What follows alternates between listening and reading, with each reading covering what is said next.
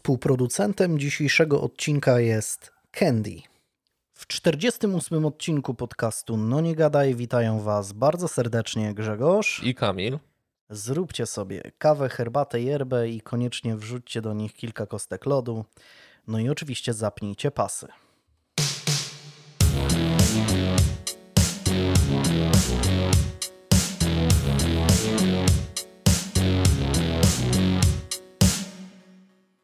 Udało się tym razem w miarę, w miarę po krótkiej przerwie wrócić przed y, mikrofon i zapytam się ciebie, co tam, co tam słychać.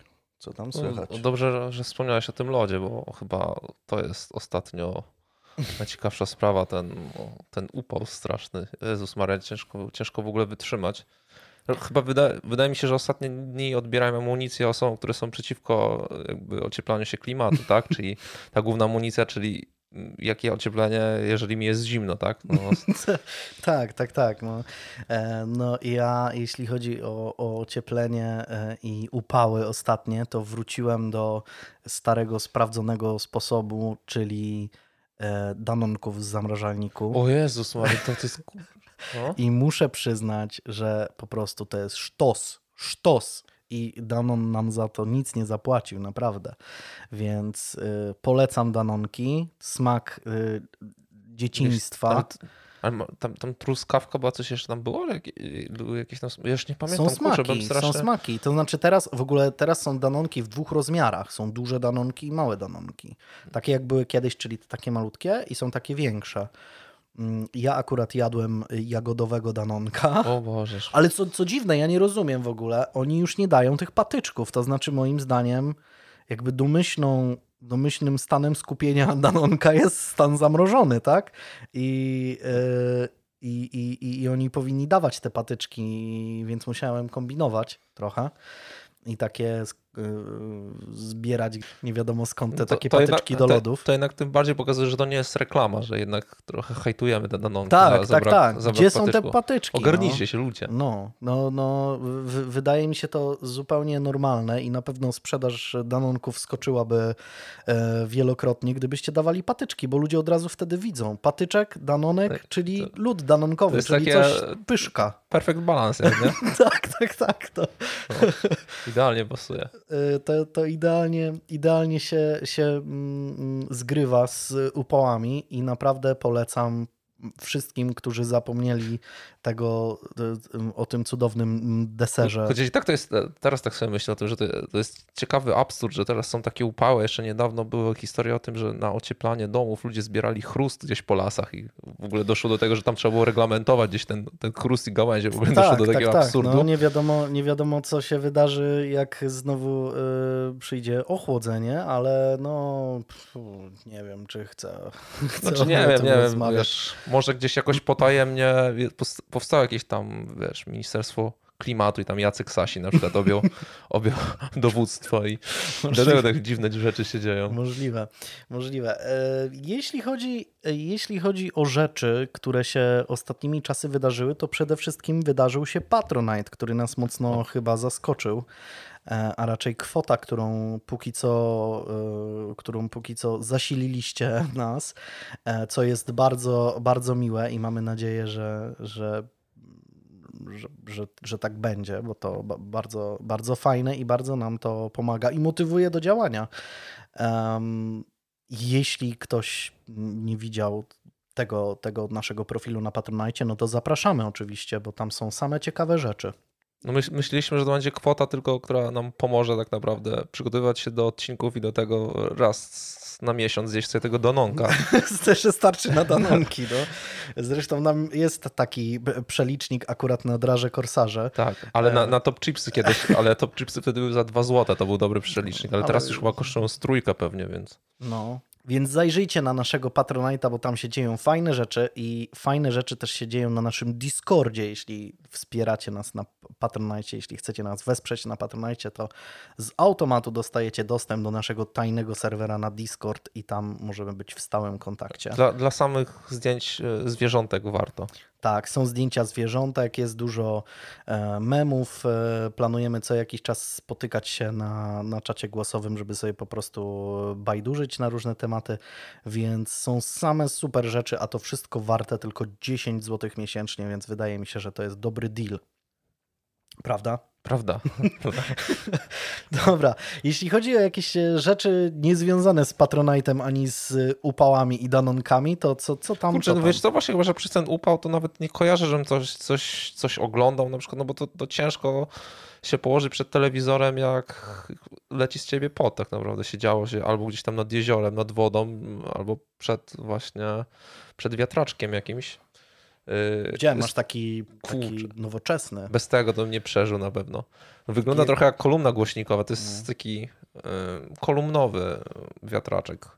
No, Więc- wyg- wygląda bardzo mm, tak modernie. No, dzięki temu dzisiaj udało mi się dotrzeć w ogóle. Wydaje mi się, że, że to ratuje życie. Yy, Sport się dzieje na pewno. Iga Świątek znowu wygrała. Myślę, że możemy tak- tak co odcinek sobie wspominać o tym, że Iga Świątek wygrała. Tak zrobić sobie taki tradycyjny, tradycyjny taki kącik, chyba już 36 zwycięstwo. Znaczy, Tak czy inaczej, Iga jest super i jest e, po raz kolejny e, wielkie, wielki respekt dla, dla Igi i wielkie uznanie dla jej umiejętności i tego, jaką A, a to bardziej jestem ciekawy. wydaje się być tak, osobą. Tak, to, to się oczywiście zgadzam, ale bardziej ciekawi mnie Twoje podejście do ostatnich y, kontrowersji związanych z Czesiem Michniewiczem. Znaczy te, ja, te kontrowersje już się długo ciągną, ale ostatnio wróciły dosyć mocno. no bo Wiesz, ostatnio y, przeczytałem, o, no przeczytałem ten artykuł y, redaktora Jadczaka, o ile się nie tak, mylę. tak, tak, Jadczaka. Mm. O tym, że tam Czesław prowadził rozmowy z fryzjerem. Chyba rozmowy telefoniczne one trwały 27 godzin. Nie wiem, czy my, którzy znamy się 20 lat, rozmawialiśmy przez telefon 27 godzin. Wątpię Chyba w to. nie. Chyba, chyba nie.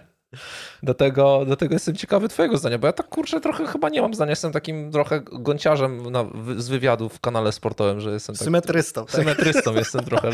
Nie wiem, nie wiem w którą stronę, czy w lewo, czy w prawo. To jest, y, to jest trochę trudna sytuacja, bo przede wszystkim moim zdaniem najbardziej oburzające z tego całego artykułu jest to, jak tam się zachował wymiar sprawiedliwości. Nie?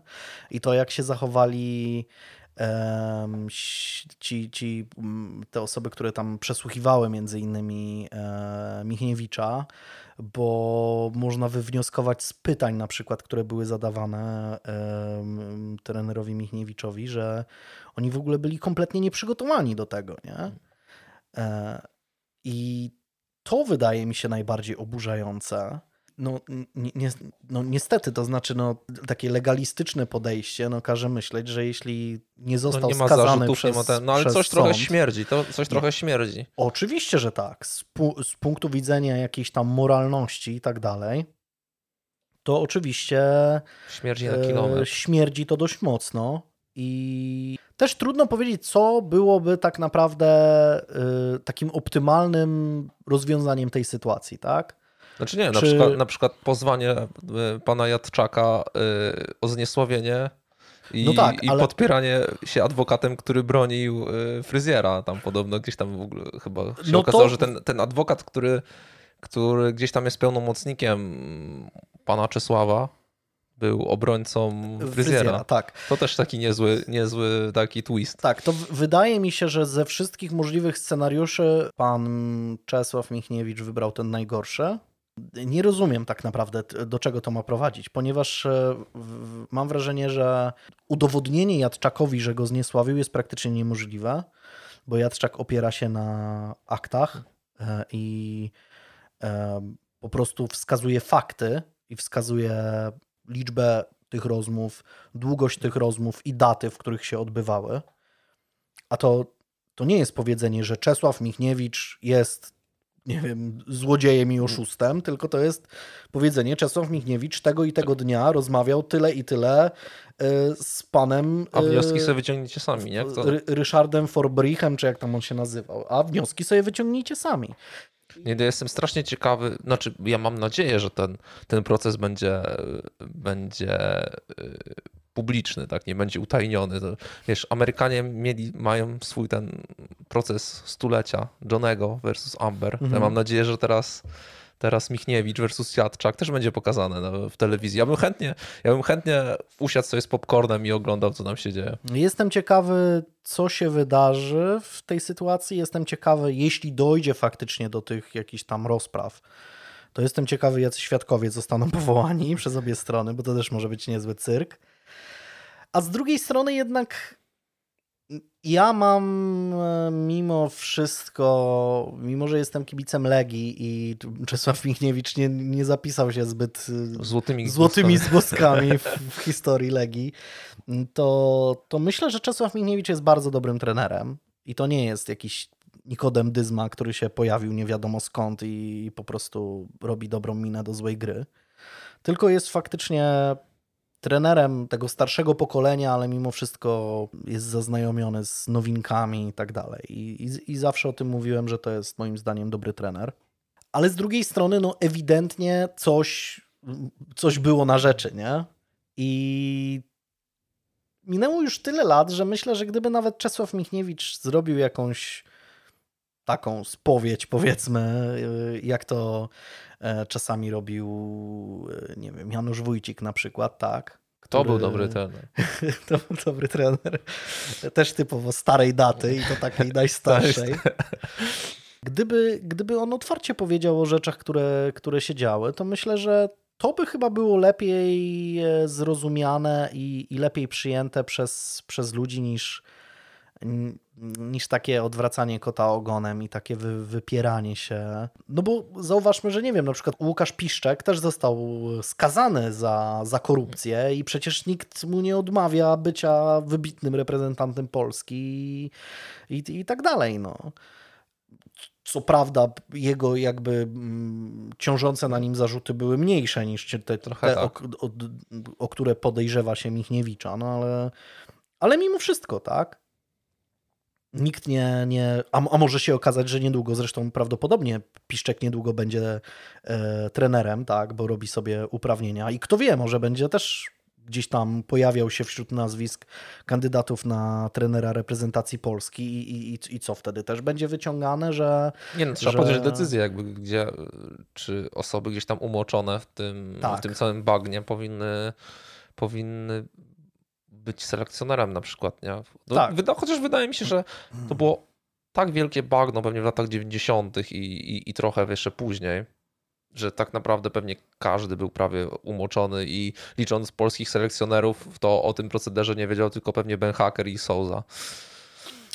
Bardzo możliwe. To, to no, jak się czyta o, o, tym, o tym, co się wtedy działo, to, no to naprawdę jest to żenujące. I to nawet nie dotyczyło tylko piłki nożnej, tylko w ogóle chyba sportu całego, boksu i tak dalej. To był, to był jeden wielki cyrk i i, I, dobrze, że przynajmniej po części sobie z tym, z tym poradziliśmy. Do, do tego pasuje to przysłowie, kto mieszka w Polsce, ten się w cyrku nie śmieje. No, no wtedy, wtedy, na pewno, wtedy na pewno się Polacy w cyrku nie śmiali, zwłaszcza ci, którzy, którzy byli kibicami, którzy e, nie wiem, mieli gdzieś tam tą, te, te, te swoje drużyny w sercu, a to wszystko było gdzieś tam pod stołem. A tu wiesz, a tu wygrywały osoby, które miały lodówkę Amiki na przykład. No, no, no, no i, to, i to, jest, y, to jest faktycznie przykre. Nie, y, nie potępiałbym Czesława Michniewicza, ale, ale też trudno mi powiedzieć, co byłoby najlepszym wyjściem z sytuacji, tak? Bo, no bo on już tak naprawdę no wiesz, może wróci Twierdzi, Paulo że... Souza, bo został zwolniony z brazylijskiej drużyny. tak. Chyba ma podobno zostać selekcjonerem drużyny Egiptu. O, no. Gratuluję. Już, no, już, już, widziałem, że są, e, są przemowy, jakie powinien wygłosić na początku, że, wiesz, że to byli faraonowie, coś wielcy, coś to, no tak, U nas to przyszedł tak. Jan Paweł II oczywiście. No, no oczywiście, że tak. No. No tak. Nie, no jeśli chodzi, jeśli chodzi o Souza, to, to, to w ogóle chłop do, do zapomnienia. Ale, ale jeśli chodzi o Michniewicza, to, to też w sumie nie wiem. Też trochę chyba jestem symetrystą. To znaczy nie potępiałbym go jakoś e, No mi też tak ciężko. Tak w zupełności. Siedzę, siedzę na płocie, nie wiem, czy w lewo skoczyć, czy w prawo. No, ale z drugiej strony, jeśli on twierdzi, że te 27 godzin, tak mówiłeś? 27 godzin, z tego 27, co kojarzę. 27 godzin rozmów, które odbył z fryzjerem, to y, żadnej z nich nie pamięta i nie wie, o czym rozmawiali, no to no to moim zdaniem jest to dziwne, nie? To no znaczy... szczególnie gdy on tam wspomina, wiesz, mecz świt kontra ktoś tam, wiesz, że w 75 minucie ktoś strzelił tak. bramkę z główki Dokładnie. 7 metra, a później nie pamiętasz rozmowy, no to wydaje się to trochę dziwne. No. Śmierdzi to i trochę smutne, że, że, że, że, no, że trzeba się z takimi rzeczami jako kibic mierzyć i, i, i to nie powinno być jakby tematem numer jeden w polskiej piłce, moim zdaniem. Znaczy nie powinniśmy żyć takimi, takimi rzeczami. Dobrze by było, żeby w, w tej polskiej piłce, zwłaszcza na tym poziomie narodowym, były osoby krystalicznie czyste, no ale no niestety nie do końca tak jest. No i, i, no i czasami zdarza się, że ludzie, którzy są umoczeni w jakieś różne rzeczy, są po prostu wybitnymi trenerami czy wybitnymi zawodnikami. No i tak moim zdaniem może być w wypadku Czesława Michniewicza, że może nie jest moralnie czy, y, krystalicznie czysty, ale jako specjalista moim zdaniem znaczy, jest nie, no jednym, z najlepszych, jednym z najlepszych polskich trenerów, jeśli nie, jeśli nie najlepszym. E, no na pewno w czołówce najlepszych polskich trenerów, nie? Więc, więc trudno, trudno tutaj jakoś zająć takie jednoznaczne, wyraziste stanowisko, nie? żeby albo wbić szpilę, jak ten, jak ten Cezar po prostu, tak, wiesz, skazać, skazać na śmierć albo ocalić. Nie? No, no jest, to, to, jest to trudny temat moim zdaniem. E, co dalej? No, e, Disney Plus się pojawił, oglądałeś coś na Disney Plusie, masz już Disney Plusa, nie? E, przeglądałem, co tam jest. Aha. Y, tak naprawdę y, w związku z tym, że to przeglądałem, to tak naprawdę wpadłem na tą historię, którą dzisiaj opowiem, więc o. trochę mnie nakierował Disney Plus. Ale nie mam oficjalnie, tak wiesz, żeby, żeby oglądać. Y, żeby oglądać to nie. Jeszcze nie, nie skorzystałem. No mówię, no nie, na, razie, na razie z wielu rzeczy nie oglądam. A, na Netflixie ruszyłem Stranger Things, ten początek nowego sezonu i jest jest ok, bardzo tak? mi się na razie podoba. Wiesz, y, przejechałem się trochę na, wiesz, na, na przykład, nie wiem, na Grze o Tron, czy takich serialach, które pokazują, że im dalej w las, tym może być dużo więcej drzew. Szczególnie, szczególnie właśnie Gra o Tron. Nie wiem, czy ten Dexter, którym... A Dextera właśnie nie oglądałem. Dextera właśnie nie oglądałem, no ale... Ale znasz zakończenie, jak to, jak to tam się skończyło w ogóle, cała ta historia. Dexter? No. Nie, nie, nie. Ja w ogóle nie, nie oglądałem tego serialu. A, mo, e, mo, no, ale a, mogę, a, a, mogę ci powiedzieć, co tam się stało? Kto, kto, no. kto chce jeszcze obejrzeć, to wiesz, to zatka uszy, uszy no, no powiedz. No ale to wiesz, to było tak, tak dawno temu, że już chyba kto miał obejrzeć, to obejrzał. No. Teraz podobno wy, y, wyszła jakby kolejna część po wielu latach, jakiś taki powrót i podobno ta nowa jest, jest ok. Ale skończyło się tym, że nie wiem ile trwało, ile było sezonów Dextera, ale dosyć sporo.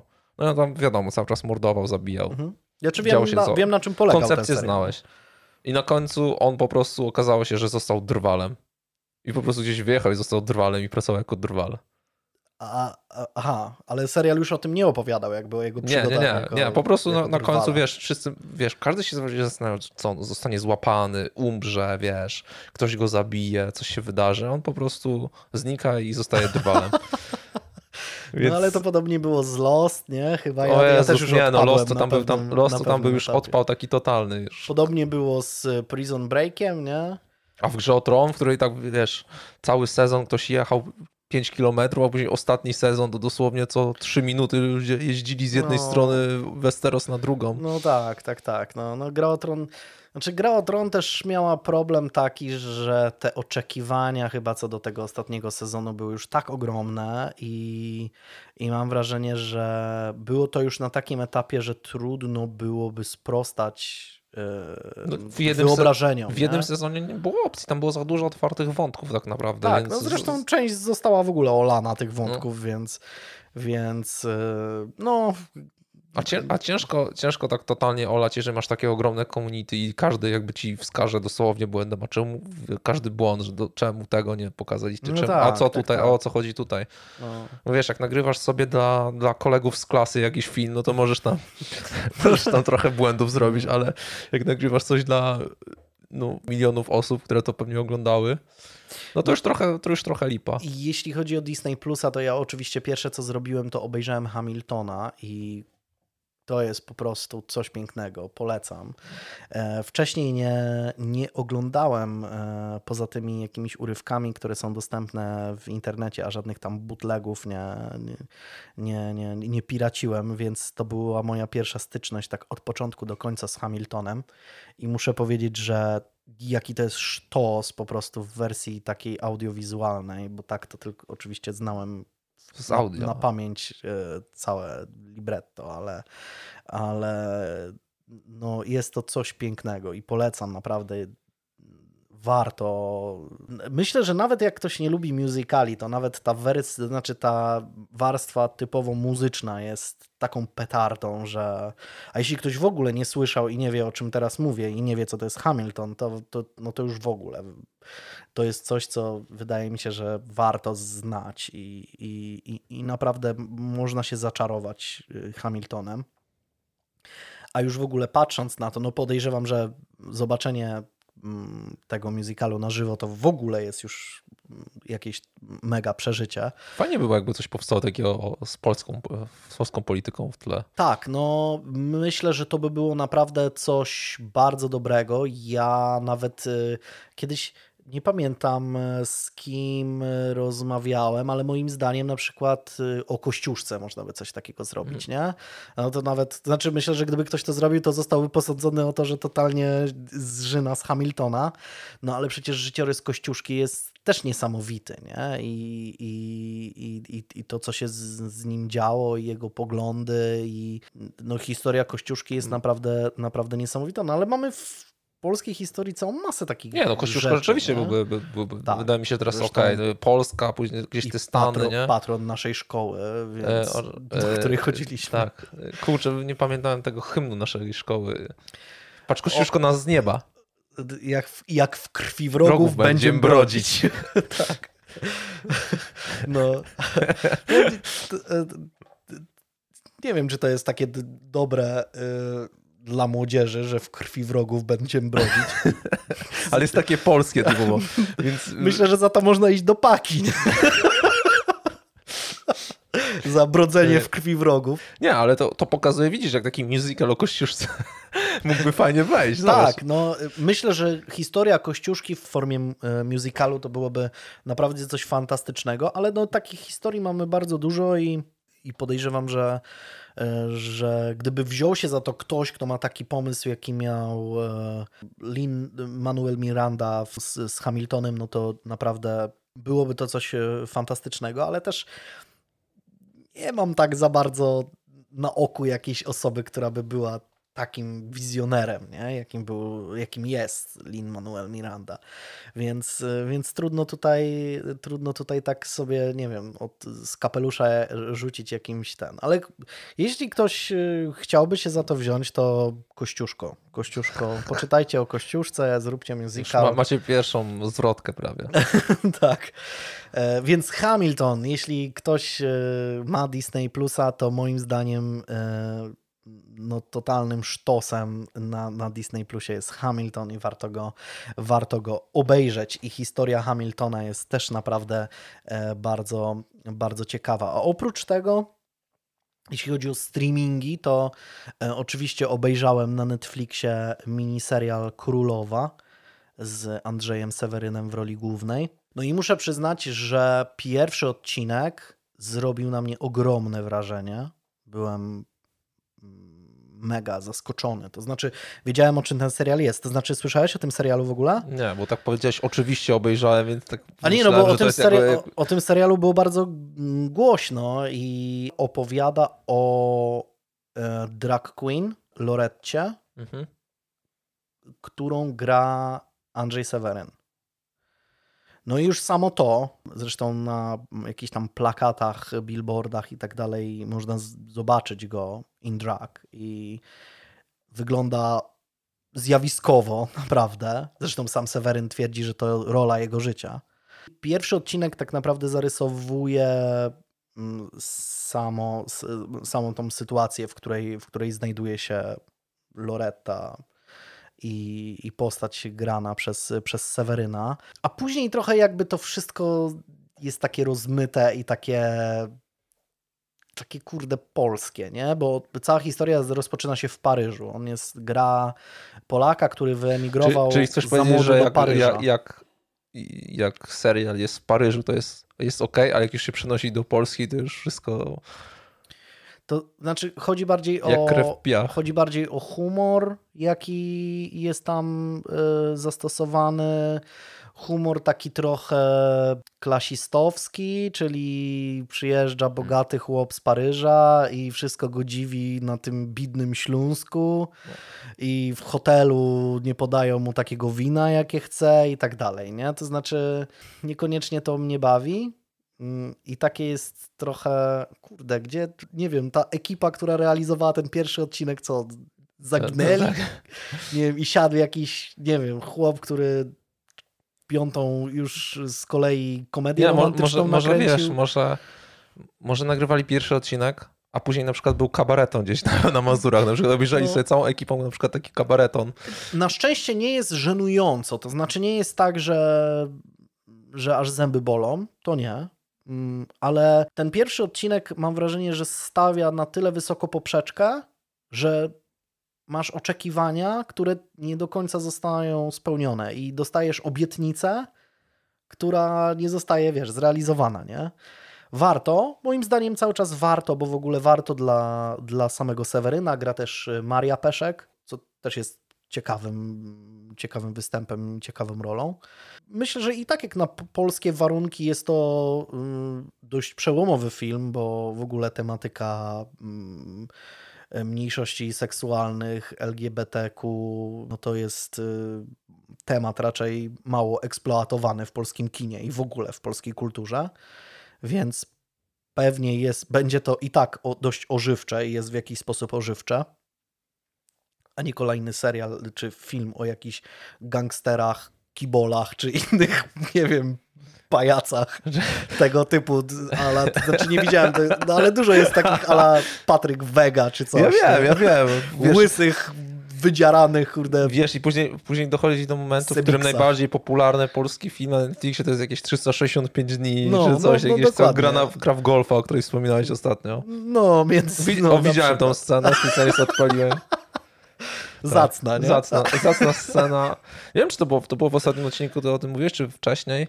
Właśnie to były naj, najciekawsze chyba elementy. Albo ta rozmowa nasza o wiatrakach, która też zrobiła sporo, sporo W ogóle zamieszania. To jest niesamowite.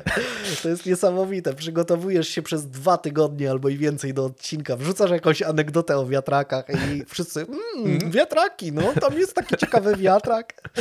Fajnie, w ogóle jestem pod wrażeniem. No. Jestem, Tak. jestem, jestem pod wrażeniem reakcji, gdzie tematem numer jeden okazały się wiatraki. Ale to, to pokazuje, że warto czasami, jeżeli chodzi o te anegdotki czy coś, to tak się nie przygotowywać na zasadzie, nie, nie myśleć, że coś za, wiesz, coś będzie gryzło, No. bo wiesz, bo fajnie, fajnie wyjdzie to, co jest totalnie nieprzygotowane, albo jakaś taka anegdotka rzucona z tak zwanej przysłowiowej dupy. tak, tak. A propos wiatraków, to w ogóle byłem ostatnio w Tczewie i w Tczewie jest wiatrak, w którym mieszkał ten morderca Trojak, słynny morderca z wiatraka. I właśnie tam nawet, e, nawet e, byłem obok, obok tego, tego wiatraka, więc jeśli chodzi o wiatraki, to w Tczewie jest holenderski wiatrak i taki O. wyglądający jak prawilny holenderski wiatrak i można tam e, o tyle trukrajmowo jest pod względem wiatraków, że tam po prostu mieszkał morderca w wiatraku. E, nie wiem w sumie, czy to komfortowe, bo chyba te, te, te łopaty to tak napieprzają, nie? To znaczy, to nie jest chyba tak, takie cichutkie. No nie, no to chyba ch- wydaje mi się, że to mo- może trochę wpłynąć na ciebie, że tak bez przerwy słyszysz ten, ten No, no tak mi się wydaje. Tak teraz jest- przyszła, trochę, przyszła taka trochę refleksja. na zasadzie, wiesz, jak się po, położysz gdzieś spać i na przykład jak masz u siebie jakiś zegar taki, który Tak, wiesz, słyszysz tak. jak tyka, to No. później już tego nie słyszysz tak naprawdę, bo to gdzieś tam Możliwe. automatycznie, a później gdzieś idziesz do hotelu, gdzie tyka ci zegar i tylko nie możesz zasnąć, bo tylko czekasz, a ten zegar znowu tyknie i No. tyknie i tyknie, tak jak ktoś chrapie na przykład. Czekamy Tak. tylko na to chrapnięcie drugie. Na szczęście u mnie w domu y, wydaje się, że ja nie chrapię. A pies nie chrapie? No pies trochę, ale on słodko chrapie. Narzeczona też nie chrapie zupełnie, więc... Yy, a, a pies to wiesz, pies Jest tak miło, to jest wiesz, na serduszku aż takie. A no tak, no. Ale jeśli, jeśli ktoś mieszka w wiatraku, y, albo mieszkał, albo ma jakieś doświadczenie z tym związane, to niech się wypowie, czy to jest komfortowe miejsce do mieszkania, bo mam wrażenie, że nie do końca. Wydaje Ale... mi się, że znam, znam lepsze miejsca chyba do, do mieszkania niż wiatrak. Tak, no poza tym taki mało ustawny, nie? Bo to takie okrągłe, ciężko no. ten. Ciężko... Poza tym bardziej w górę się pnie niż, niż na szerokość, no. więc trzeba gdzieś tam chodzić cały czas. Dziwne, dziwne mieszkać w wiatraku. Tak mi się wydaje przynajmniej, ale może, nie wiem, ktoś zaraz się odezwie. Słuchaj, ja Słuchaj, mieszkam, mieszkam w wiatraku, piszę teraz tak. z wiatraka i git, tak. jak w bajce. Anuluję subskrypcję.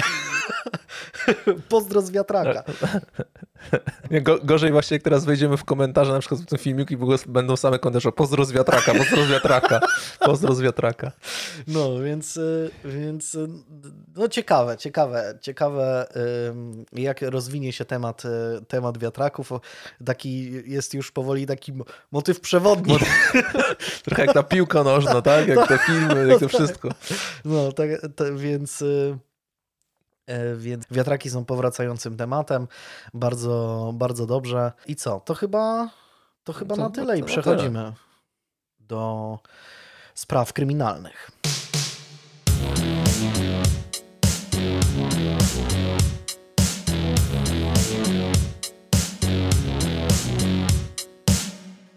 Nasz podcast powstaje przy wsparciu patronów. Bardzo Wam dziękujemy. Jeżeli Ty też chcesz dołączyć do tego fantastycznego grona i korzystać z dobrodziejstw przysługujących wspierającym, takich jak choćby tajny serwer Discord, dzięki któremu możesz być z nami w stałym kontakcie, to zapraszamy. Zajrzyj pod adres patronite.pl ukośnik no nie gadaj. Dzięki.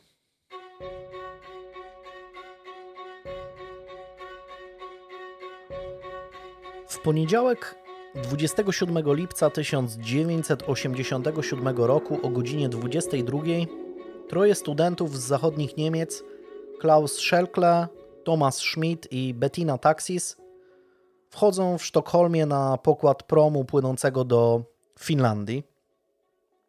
Klaus i Thomas są równolatkami, mają po 20 lat, a Bettina jest dwa lata od nich starsza. Cztery dni wcześniej wyjechali ze Stuttgartu, podróżując przez Danię. W tym czasie wysłali parę pocztówek do swoich rodzin, wykonali kilka telefonów, zapewniając bliskich, że podróż mija bezproblemowo. Statek ma dopłynąć na miejsce następnego dnia o godzinie 8. Pogoda jest dobra, choć zdecydowanie chłodna jak na środek lata. Jest około 11 stopni Celsjusza. Mm, celem rejsu jest miasto Turku, gdzie troje przyjaciół planuje wziąć udział w festiwalu muzycznym. Ruiz Rock jest drugim najstarszym festiwalem muzyki rockowej w Europie. Co ciekawe, gdyby zdecydowali się wybrać na niego 3 lata wcześniej, to mogliby posłuchać na żywo zespołu Republika, a za to dwa lata wcześniej poznaliby Lady Punk. Na święcie kapusty też było Lady Punk ostatnio w roku. w brukach unisławskich. Nie wiem, czy to podobna skala w festiwalu, ale, ale tak. to jest taka też ciekawostka.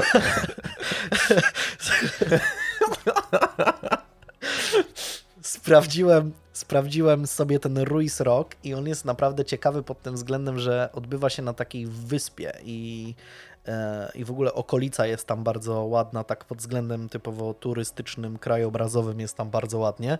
Nie wiem, czy porównywalnie z brukami ja, unisławskimi. Ja byłem, byłem na święcie kapusty, tam też było bardzo ciekawie, wystawili za darmo kapusty.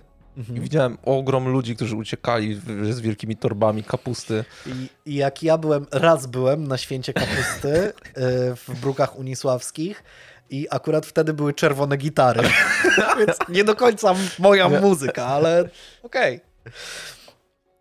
E, tak, więc Klaus, Thomas i Bettina decydują się jednak udać na Ruiz Rock w roku 1987. Ma on się odbyć 1 i 2 sierpnia, a gwiazdą festiwalu ma być zespół The Pretenders, który wtedy jest dość, e, dość znany. Jak to na takich festiwalach bywa, koncerty to tylko oczywiście część atrakcji mm, tego typu eventów.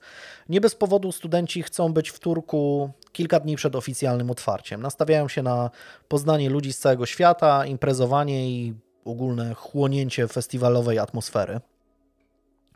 Później mają zamiar udać się do Laponii i aż na Nordkap, czyli przylądek położony na samiusieńkiej północy Norwegii.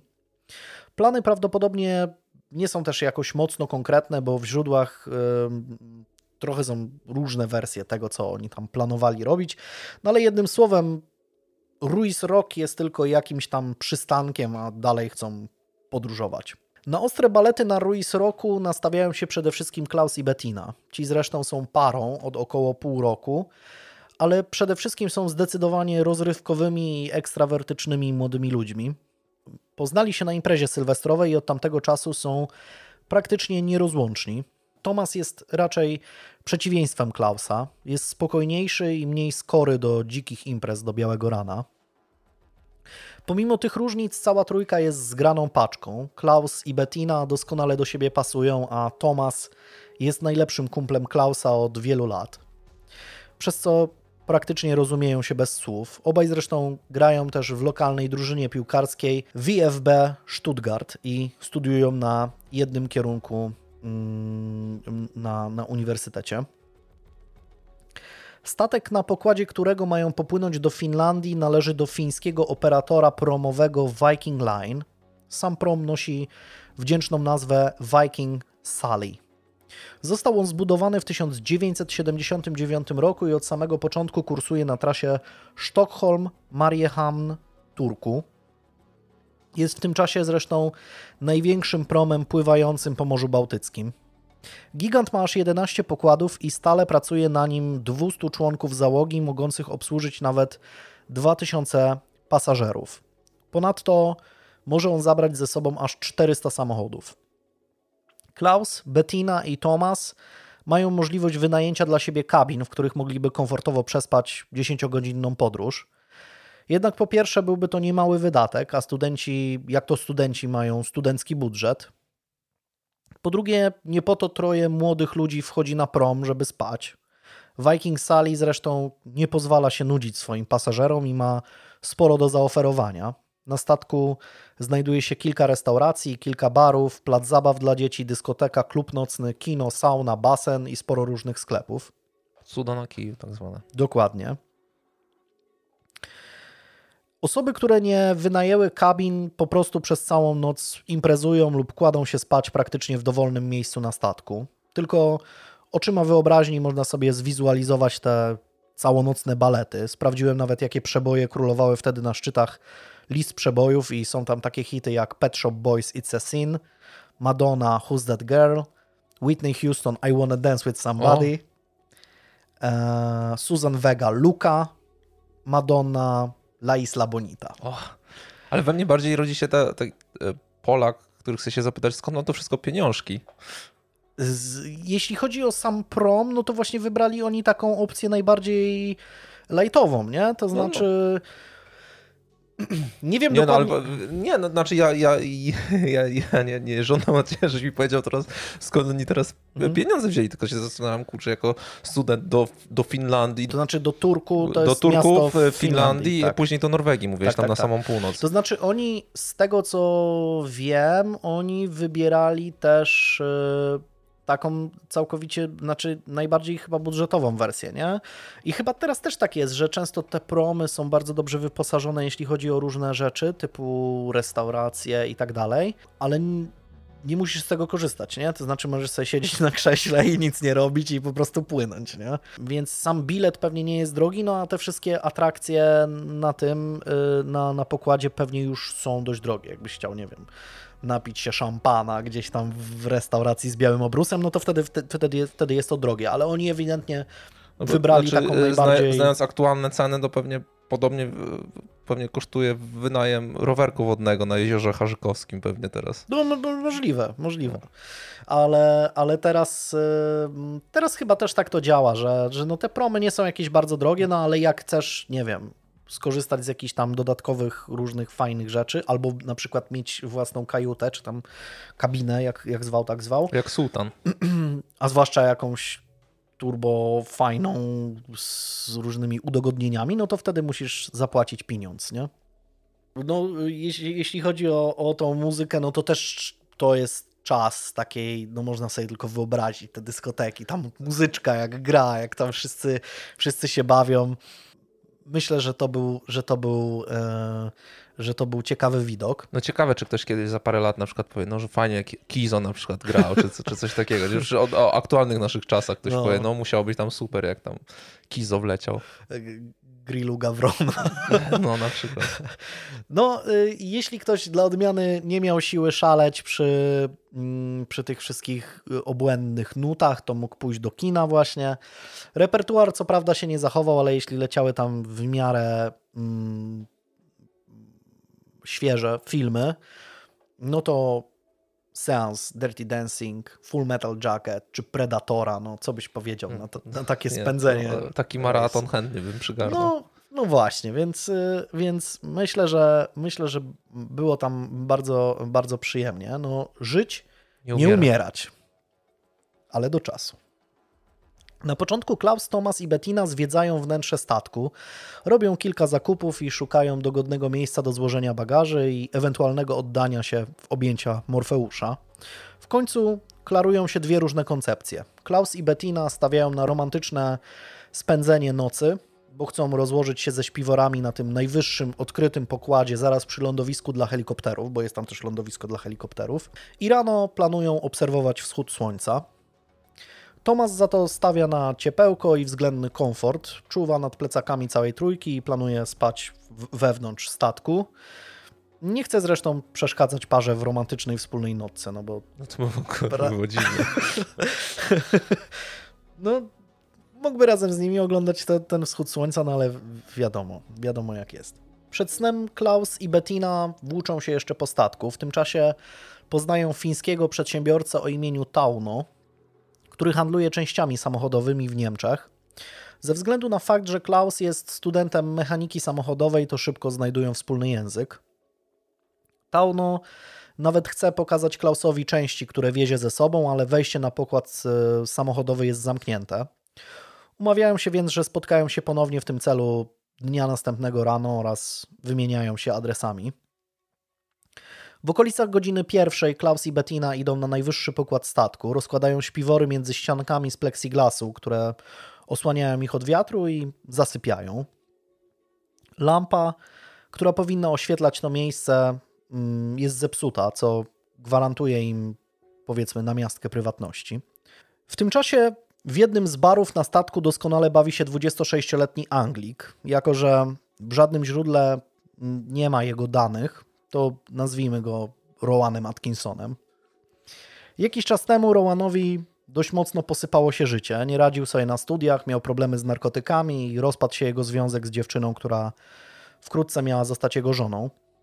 Wczesną wiosną 1987 roku Rowan opuścił Londyn i wyjechał do Izraela, by podjąć pracę w jednym z kibuców. Tam poznaje dziewczynę z Finlandii, a dokładniej z Laponii imieniem Maja, w której szybko się zakochuje.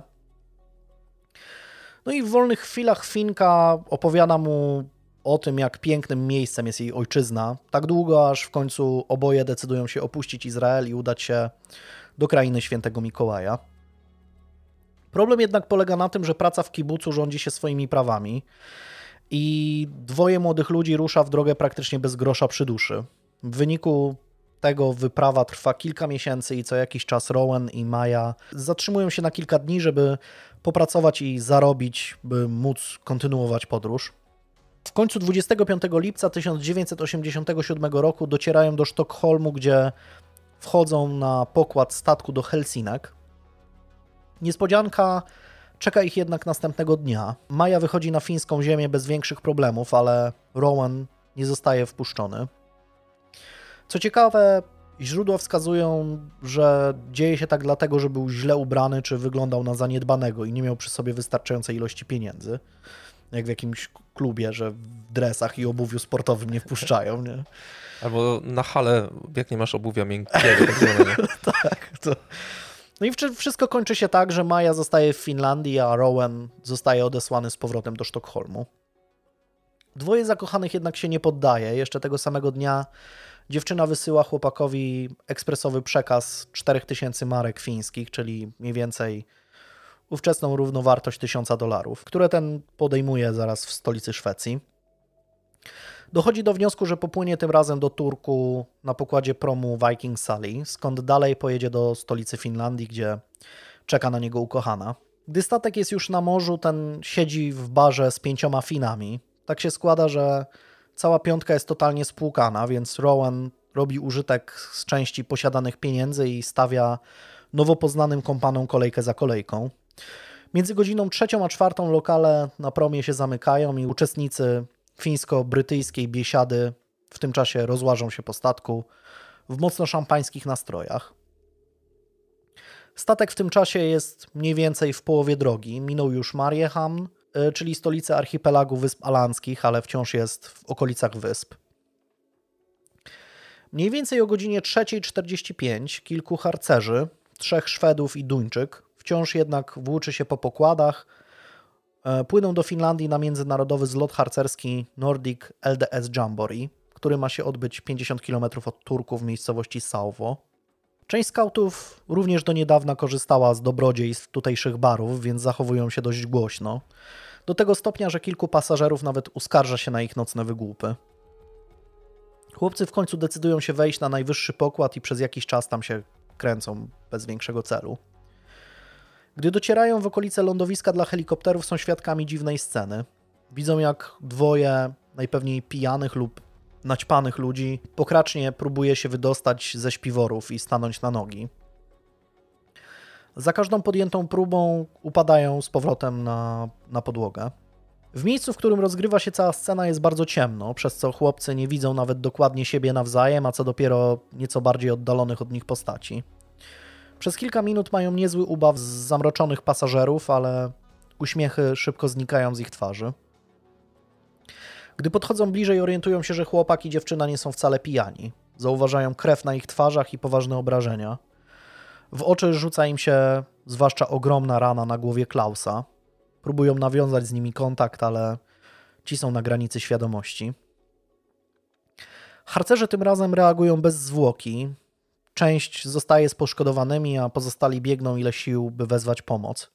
Szybko zostaje powiadomiony Raimo Walsten, szef ochrony, a także pielęgniarka Gun Lidman. Gdy tylko Walsten zjawia się w okolicy lądowiska dla helikopterów i przygląda się obrażeniom młodych Niemców, zdaje sobie sprawę, że musiało tam dojść do przestępstwa. Decyduje się więc natychmiast wezwać policję. Klaus i Bettina zostają zaniesieni na noszach do gabinetu pielęgniarki. Kobieta jest przerażona stopniem obrażeń. Para próbuje coś powiedzieć, ale nie dość, że jest to bardzo niewyraźne, to jeszcze wypowiadane słowa są w języku niemieckim, którego nikt z obecnych nie zna. Ubrania i śpiwory poszkodowanych są przesiąknięte krwią, oboje mają bardzo poważne rany tłuczone głowy. Pielęgniarka próbuje jakoś zatamować obfite krwawienie ręcznikami, ale wie doskonale, że nie dysponuje sprzętem niezbędnym do udzielenia im pomocy. O 4.28 w nocy policja oraz pogotowie w Turku zostają poinformowani o zdarzeniu. Z miasta zostaje wysłany helikopter ratunkowy, który zabiera Klausa, Bettinę oraz pielęgniarkę prosto do szpitala uniwersyteckiego. Zwłaszcza Bettina ma na tyle dużo siły, że próbuje się wyrywać ratownikom. Jest w stanie delirycznym i ma wrażenie, że wciąż jest atakowana. Huk generowany przez helikopter nie tylko potęguje jej przerażenie, ale też zagłusza słowa, które wykrzykuje. Śmigłowiec ląduje w Turku o godzinie 5.48. Niestety szybko okazuje się, że Klaus nie żyje. Gdy lekarz przygląda się jego obrażeniom, jest przekonany, że chłopak nie miał szans na wyjście z tego cało. W jego czaszce jest ogromna dziura, przez którą widać mózg. Bettina na szczęście ma nieco mniejsze obrażenia, ale nie zmienia to faktu, że jej stan jest krytyczny. Wkrótce zostanie przetransportowana do szpitala w Stuttgarcie i po długiej rekonwalescencji będzie mogła wrócić do życia. Próba jej przesłuchania jednak zda się na niewiele. Bettina powie, tu cytat, położyliśmy się i natychmiast zasnęłam. Od tamtego momentu straciłam pamięć.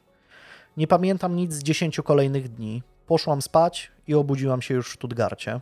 Ten sam helikopter, który przetransportował parę do szpitala, leci z powrotem na statek, tym razem z czterema policjantami Wydziału Kryminalnego. Wchodzą oni na pokład Viking Sali o godzinie 6.30, praktycznie prosto na miejsce zbrodni. Wtedy nie wiedzą jeszcze, że właśnie rozpoczęło się jedno z największych śledztw w historii fińskiej policji. Nie trudno zauważyć, że jak to często bywa w naszych historiach, los sprzyja mordercy. Dwukrotne lądowanie helikoptera nieomal w miejscu, w którym doszło do zdarzenia, mogło nieodwracalnie zniszczyć kupę materiału dowodowego i prawdopodobnie tak właśnie się stało. Całe szczęście Raimo Walsten, wspomniany szef ochrony, wcześniej odgrodził miejsce, by nie złazili się tam zbędni gapie i zabezpieczył część przedmiotów z miejsca zbrodni, a nawet wstępnie przesłuchał pierwszych świadków. Prawdopodobnie to też uchroniło śledztwo od jakiejś kompletnej porażki już na samym starcie. Szybko okaże się, że w czasie, gdy doszło do ataku, nikogo nie było na najwyższym pokładzie statku. Nikt też nie widział ani nie słyszał nic podejrzanego. Zespół śledczy zaczyna pracować natychmiast. W dziennym świetle już doskonale widać, że na miejscu, w którym spali Klaus i Bettina, musiało dojść do prawdziwej rzeźni. Na białej ścianie i zielonym pokładzie statku, a także przezroczystej ściance z plexiglasu wyraźne są duże czerwone zachlapania. Na wspomnianej ścianie statku zauważony zostaje też krwawy odcisk ręki, który nie został pozostawiony przez żadną z ofiar. Co ciekawe, policjanci porównają go z osobami, które znajdowały się w pobliżu miejsc zbrodni, ale nigdy nie uda się ustalić, do kogo należał. Ze strony policji nigdzie nie wyjdzie żaden szczegółowy opis obrażeń ofiar, ale świadek, 18-letni Duńczyk Thomas Nielsen, będący jednym z harcerzy, którzy byli pierwsi na miejscu zbrodni, udziela kilku wywiadów. Będąc zresztą już na tym zlocie harcerzy, o którym mówiłem. W jednym z nich mówi, tu cytat, ich twarze zostały rozbite na miazgę. Napastnik musiał użyć czegoś w rodzaju młotka. W wyniku pobicia czy skopania nie wyglądaliby tak, to raczej nie był też nóż. Na ich ciałach nie widziałem żadnych innych obrażeń. Dziewczyna miała tylko odcięty jeden palec, tak jakby próbowała się bronić. W wywiadzie Nielsen wspomina, że podczas przenoszenia ciał na noszach, zwłaszcza Bettina, bardzo się szarpała i walczyła z ludźmi, którzy chcieli jej pomóc. W wyniku tego całe jego ubranie było brudne od krwi. Pod jednym z paznokci Klausa zostanie zabezpieczony niewielki kawałek drewna. Po oddaniu go do analizy uda się ustalić, że jest to drewno świerkowe. We wrześniu 1987 roku policjanci pobiorą próbki z tasaka znajdującego się w kuchni na statku, ale nie da to żadnego przełomu w śledztwie.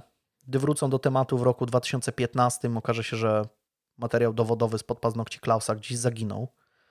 Nigdy nie uda się odnaleźć narzędzia zbrodni ani ustalić, co nim ostatecznie było. Mógł to być wspomniany tasak, ale policjanci zajmujący się sprawą podejrzewają też młotek. Albo zwykły, albo tak zwany młotek spawalniczy, taki o zaostrzonym końcu. Śledczy wiedzą jedno prawie na pewno. Sprawca z pewnością wciąż jest na statku wśród 1400 pasażerów i 200 członków załogi. Próba ucieczki drogą wodną w taką pogodę byłaby czystym szaleństwem i zadaniem praktycznie niemożliwym bez odpowiedniego sprzętu. Musiałby, nie wiem, czekać na niego łódka albo musiałby mieć jakiś akwalung. Policjanci na bieżąco informują komendę w Turku na temat zastanej sytuacji, a ta deleguje kolejnych funkcjonariuszy. Wciąż płynący statek zostaje otoczony łodziami patrolowymi, które mają czuwać nad tym, aby nikt nie wyrzucił nic za burtę lub nie próbował uciekać, a w porcie czekają już kolejni funkcjonariusze, którzy mają za zadanie szczelnie zabezpieczyć prom.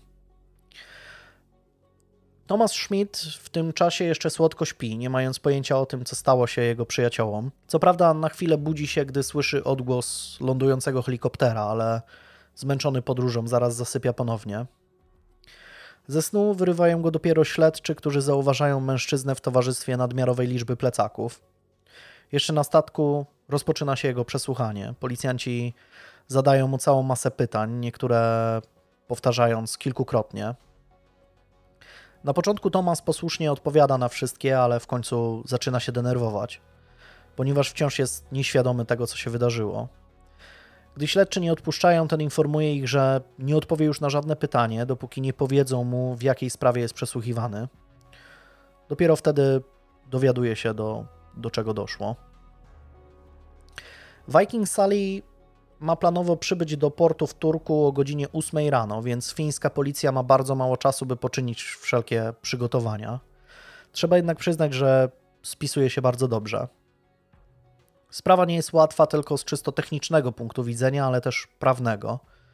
Do morderstwa musiało dojść między godziną pierwszą a trzecią w nocy, gdy statek znajdował się w obrębie wód przynależących do Wysp Alandzkich. Te co prawda są częścią Finlandii, ale cieszą się sporą autonomią od władz centralnych. Archipelag posiada własną flagę, odrębny parlament oraz rząd, dysponuje też własną policją, znaczkami pocztowymi i liniami lotniczymi. No, te pewne, pewnie są dość mocno przydatne, bo archipelag składa się z 6700 wysp yy, i, i wysepek. Pewnie duża część jest nawet niezamieszkałych, ale wciąż jest to no, dość sporo. Z punktu widzenia prawa śledztwem nie powinna się więc zająć policja z Turku, ale policja z Mariehamn, e, czyli stolicy Wysp Alandzkich. Tamtejsze służby jednak nie dysponują takimi samymi możliwościami jak te z kontynentalnej Finlandii, przez co praktycznie nie są w stanie przeprowadzić tak szeroko zakrojonego śledztwa. Problem zostaje szybko rozwiązany. Ministerstwo Spraw Wewnętrznych Finlandii natychmiast podejmuje decyzję, że sprawa ma zostać przejęta przez policję w Turku oraz Narodowe Biuro Śledcze, a w wypadku, gdy dochodzenie będzie wymagało naruszenia autonomii Wysp Alandzkich, śledczy mają prawo to zrobić dla dobra śledztwa. Statek przybija do nabrzeża opóźniony o zaledwie 10 minut, ale przez następne dwie godziny nikt nie opuszcza pokładu.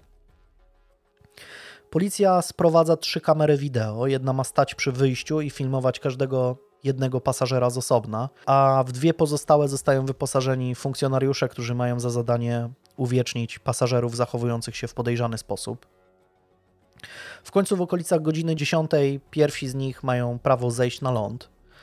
Rodzą się jednak kolejne problemy. Na pokładzie jest ponad 1500 osób i każdy ma jakieś plany, przesiadki itd. Tak Ponadto statek musi za chwilę wypłynąć zgodnie z planem w rejs powrotny. Viking Line nie dysponują imienną listą pasażerów, bo nie ma takiego wymogu w rejsach między Szwecją a Finlandią. Zgodnie ze sztuką policjanci powinni najpierw szczegółowo przeszukać statek, po czym pojedynczo brać każdego pasażera, przesłuchiwać, ewentualnie przeszukiwać, zdejmować jego odciski palców, spisywać dane najlepiej weryfikując to razem z jakimś dokumentem. Problem jest jednak taki, że Gdyby robili to w ten sposób, to pewnie teraz mniej więcej schodziłaby ostatnia osoba z pokładu tego statku. Ze szczegółowej identyfikacji zwolnione są więc osoby starsze, dzieci oraz rodziny, zwłaszcza te podróżujące z małymi dziećmi. Wszyscy pasażerowie zostają jednak uwiecznieni na taśmie dzięki umieszczonej przy wyjściu kamerze, o której wspominałem. Ponadto śledczy typują 20 najbardziej obiecujących osób, które zostają skierowane na szczegółowe przesłuchania. Wśród nich jest Thomas oraz sympatyczny Anglik, którego nazwaliśmy Rowanem Atkinsonem. Gdy wspomniane przesłuchania ruszają, Viking Sally już wyrusza w powrotny rejs do Sztokholmu. Thomas po kilku godzinach przesłuchań zostaje zwolniony, ale z Rowanem jest ciekawa historia, bo trafia on na radar policjantów w bardzo interesujących okolicznościach.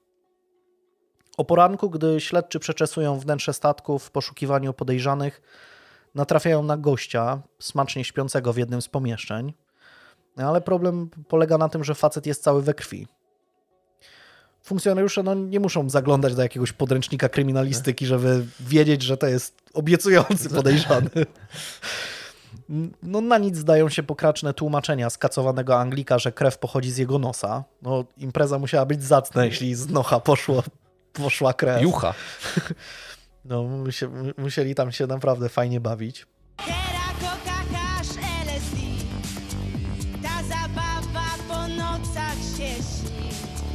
Policjanci są praktycznie przekonani, że mają gościa na widelcu. Dla pewności wysyłają próbki krwi z jego ubrania do analizy, ale szybko okazuje się, że Rowan nie kłamie, a krew faktycznie należy do niego. Jeszcze tego samego dnia kończą się wszystkie pozostałe przesłuchania. Z 20 wytypowanych pasażerów żaden nie kwalifikuje się choćby do tymczasowego aresztowania. To, co z początku zdawało się sprintem, szybko okazuje się maratonem. W ciągu jednego dnia wszyscy pasażerowie rozchodzą się po świecie, a śledczy nie mają żadnego punktu zaczepienia. Nawet kwestia podstawowa, czyli motyw zabójstwa, jest mocno niejasny.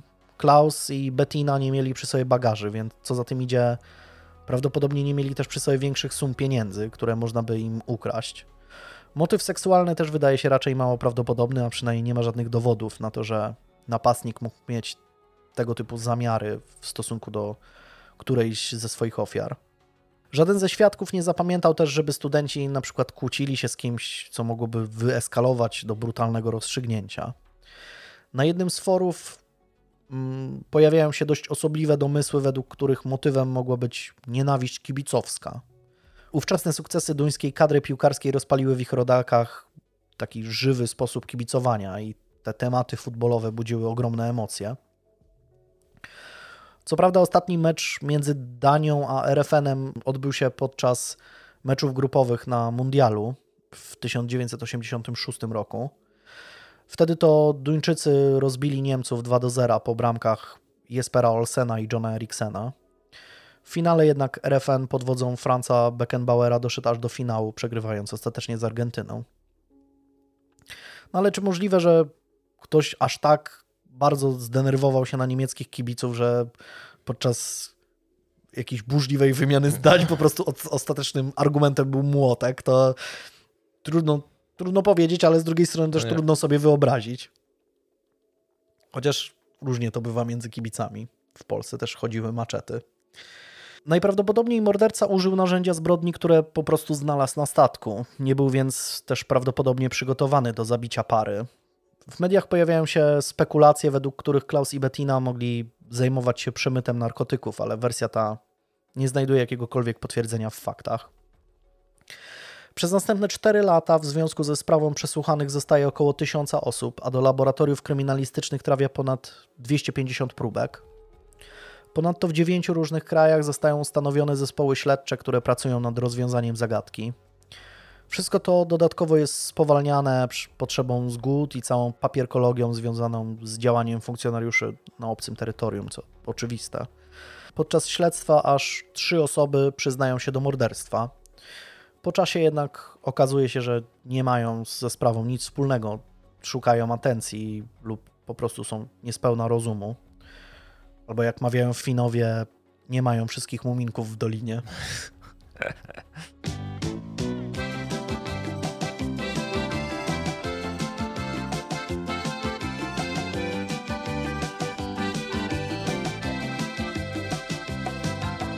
Okazuje się, że wszystkie te trzy osoby nie były nawet pasażerami statku. Tak czy inaczej, całe te szeroko zakrojone działania dają praktycznie nic. Potencjalny przełom w sprawie przychodzi w sumie sam. W sierpniu 1987 roku dwóch rybaków przybiło do fińskiej wyspy Lilla Bjornholm, znajdującej się w okolicach Turku. Zaledwie 200 metrów od trasy, którą płyną promy i statki kierujące się do miasta. Lilla Bjornholm jest niezamieszkała i porośnięta gęsto drzewami. Gdy rybacy wychodzą na ląd, widzą plastikową czarną torbę wyrzuconą przez wodę na brzeg. Gdy zerkają do środka, zauważają, że są tam jakieś ubrania. Nie widzą w tym jednak nic podejrzanego, zostawiają torbę na plaży i odpływają. Gdy wracają jednak na miejsce latem następnego roku, okazuje się, że pakunek wciąż się tam znajduje. Tym razem zabierają go ze sobą i dla świętego spokoju przekazują policji. W worku znajduje się but marki Umberto Lufer, a także jasne, krótkie spodenki, mm, czerwony sweter ze sztucznego tworzywa oraz rękawica robocza z inicjałami HK. Policja poważnie podchodzi do znaleziska. Udaje się ustalić nawet, że but Został prawdopodobnie sprzedany w sklepie w Turku między rokiem 1985 a 1986. Jest charakterystyczny ze względu na tak zwany ukryty obcas. Pozostałe rzeczy w większości są fińskiej produkcji, ale nie wyróżniają się w żaden istotny sposób. Nie zostają też znalezione na nich żadne ślady krwi. Według analizy obecnych w tym miejscu prądów i pogody, w momencie gdy przepływał tam statek Viking Sally, okazuje się dość prawdopodobne, że wyrzucony z niego pakunek zostałby wyrzucony na brzeg właśnie na Lila Bjornholm. A to są męskie ubrania czy damskie ubrania? M e, męskie, męskie. E, właśnie ten ukryty obcas to jest coś takiego, że mm, but wygląda normalnie, a w środku jest ukryte takie podwyższenie, mhm. które, okay. przez które wyglądasz na wyższego niż normalnie. Nie? Czyli jest to prawdopodobne, że ten pakunek mógłby się tam znaleźć, no ale prawdopodobne, ale oczywiście niepewne. W tym miejscu jest intensywny ruch. Nawet gdy dzisiaj sobie spojrzymy na, na tę wyspę, to zaraz obok po prostu jest autostrada jakaś promowa, gdzie płynie tych statków bardzo dużo. E, śledczy publikują nawet wizerunek manekina ubranego w te ciuchy, ale nie przyniesie to żadnego zwrotu akcji w śledztwie. Przez prawie trzy kolejne dekady sprawa staje w miejscu i wraca dopiero w roku 2015, mm, rok po tym jak śledztwo zostaje wznowione. Wtedy z fińską policją kontaktują się ich duńscy koledzy, przekazują im informacje na temat niejakiego Hermana Himmle, który wysyłał do swojej żony SMS-y z groźbami, twierdząc w nich, że wcześniej zabił dwoje ludzi. Zresztą w wyniku tego typu gruźb właśnie siedzi w pace. Fińska policja ma silne podejrzenia, że Himmle może mieć jakiś związek ze sprawą morderstwa na pokładzie Viking Sali. Duńczycy jednak ostrzegają ich, że zapewne facet i tak nic im nie powie. W 2016 roku dwóch funkcjonariuszy fińskiej policji przesłuchuje mężczyznę, gdy ten siedzi w kopenhaskim więzieniu. Podczas rozmowy Himmler opowiada, że z 27 na 28 lipca 1987 roku płynął na pokładzie statku Viking Sally. Był jednym z harcerzy i podczas rejsu znalazł nawet młotek. Twierdzi, że byłby on idealnym mm, narzędziem zbrodni, skutecznym i jednocześnie łatwym do ukrycia. Wyrzucając go za burtę ma się przecież pewność, że nigdy nie wypłynie na powierzchnię. Gdy policjanci w końcu pytają się go wprost, czy to on zaatakował Klausa i Bettinę, ten pokrętnie odpowiada, że nie jest gotowy na długi wyrok. Jednocześnie mówi im, że Bettina może już odetchnąć z ulgą, bo w końcu rozmawiają z właściwym człowiekiem. No, trzeba przyznać, że ten facet też nie ma wszystkich muminków w dolinie, ale fińscy gliniarze nie poddają się i wałkują go dalej. Następnego dnia mężczyzna mówi, że nie przyzna się, ale może opowiedzieć im, jak do tego doszło. Do całego wyznania przed policjantami dochodzi na więziennym spacerniaku, gdzie Himmler ma pewność, że nie jest nagrywany. Twierdzi on, że krótko przed wyruszeniem w podróż do Finlandii doszło do czegoś w jego domu rodzinnym, co bardzo go wzburzyło. Był zresztą dodatkowo zdenerwowany tym, że rodzice nie dali mu na drogę żadnych pieniędzy i nie miał odpowiedniego wyposażenia tego harcerskiego stafu. Według niego Klaus i Bettina znaleźli się po prostu w złym miejscu o złej porze. 18-letni chłopak postanowił ich pobić znalezionym młotkiem i okraść. Gdy do tego doszło, na górnym pokładzie znaleźli się nagle harcerze ze Szwecji, którzy go spłoszyli. Wtedy oddalił się, wyrzucił narzędzie zbrodni i wrócił do chłopców, by odegrać rolę bohatera, który odnalazł ofiary. Po całej opowieści mężczyzna otwarcie mówi policjantom, że wie doskonale, że nie mają na niego dowodów, więc w każdej chwili może odwołać to, co powiedział. Jedyne, co funkcjonariusze wiedzą, to to, że Herman Hilme w 1987 roku posługiwał się imieniem i nazwiskiem Thomas Nielsen. To on był harcerzem, który udzielał wywiadu dla fińskich gazet, w których z dziwną dokładnością opowiadał o szczegółach zdarzenia. Ustalą też, że jego ubranie brudne od krwi Klausa i Bettiny zostało wyprane jeszcze na pokładzie statku. Jego opiekun poprosił o to obsługę, nie chcąc narażać chłopaka na dodatkowe emocje związane z koniecznością chodzenia w zakrwawionych ciuchach. Po 1987 roku Himmler wielokrotnie dokonywał różnych przestępstw, kradzieży, rozbojów, oszustw finansowych, a także stosował groźby karalne. W wyniku tego aż 18 lat swojego życia spędził w różnych zakładach karnych, z których wielokrotnie uciekał, o czym rozpisywały się zresztą skandynawskie gazety. Dwukrotnie ulotnił się z więzienia przy użyciu samodzielnie wykonanej drabiny, a raz, mm, korzystając z łyżeczki do herbaty, wykopał tunel. W roku 2019 fiński wymiar sprawiedliwości przygotowuje akt oskarżenia przeciwko podejrzanemu. Wtedy też dochodzi do kolejnego przesłuchania, tym razem w obecności prawnika. Herman Himmler stwierdza, że jego przyznanie się do winy było zwykłą prowokacją w stosunku do policjantów. Twierdzi, że wszystko, co wtedy powiedział, było przez niego zmyślone. Fińska prokuratura jednak nie daje za wygraną i postanawia oskarżyć mężczyznę o morderstwo z 1987 roku.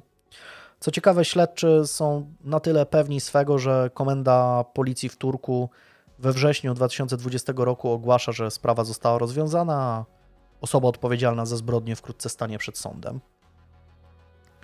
No i faktycznie tak się dzieje. W grudniu 2020 roku mężczyzna słyszy zarzuty, a 24 maja 2021 roku rusza proces, w którym oskarżenie domaga się dla niego dożywotniej kary więzienia.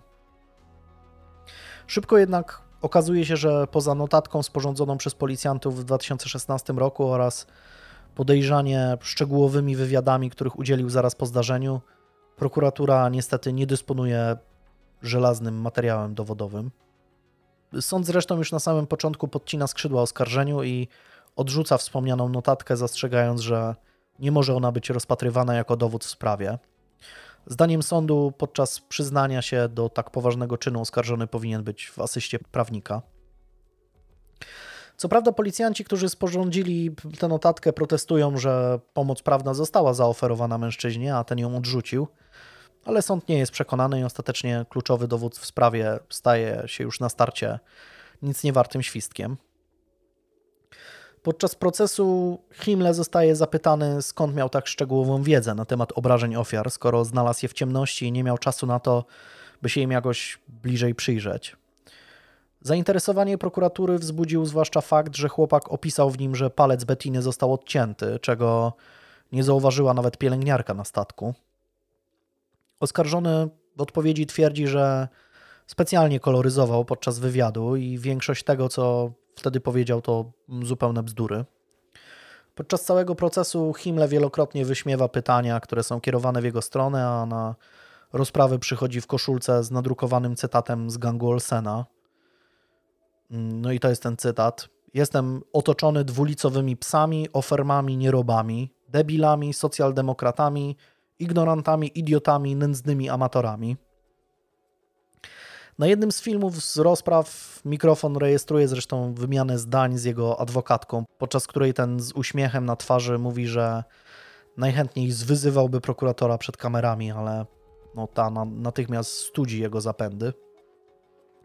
Himmler udziela też gazetom kilku wywiadów, w którym w szampańskim nastroju otwarcie mówi, że często zmienia zeznania, bo, bo może i radość mu to sprawia i to jest ogólnie fajne trollowanie wymiaru sprawiedliwości. No i ostatecznie jedyną jego linią obrony jest to, że przyznał się do morderstwa, robiąc sobie jaja. No ale jak się okazuje, tak kuriozalna postawa oskarżonego wystarcza. Facet może nie ma wszystkich muminków w dolinie, ale prokuratura dla odmiany nie ma w rękach nic, co mogłoby faktycznie go obciążyć. 30 czerwca 2021 roku, po zaledwie 6 dniach, wszystkie zarzuty zostają wycofane.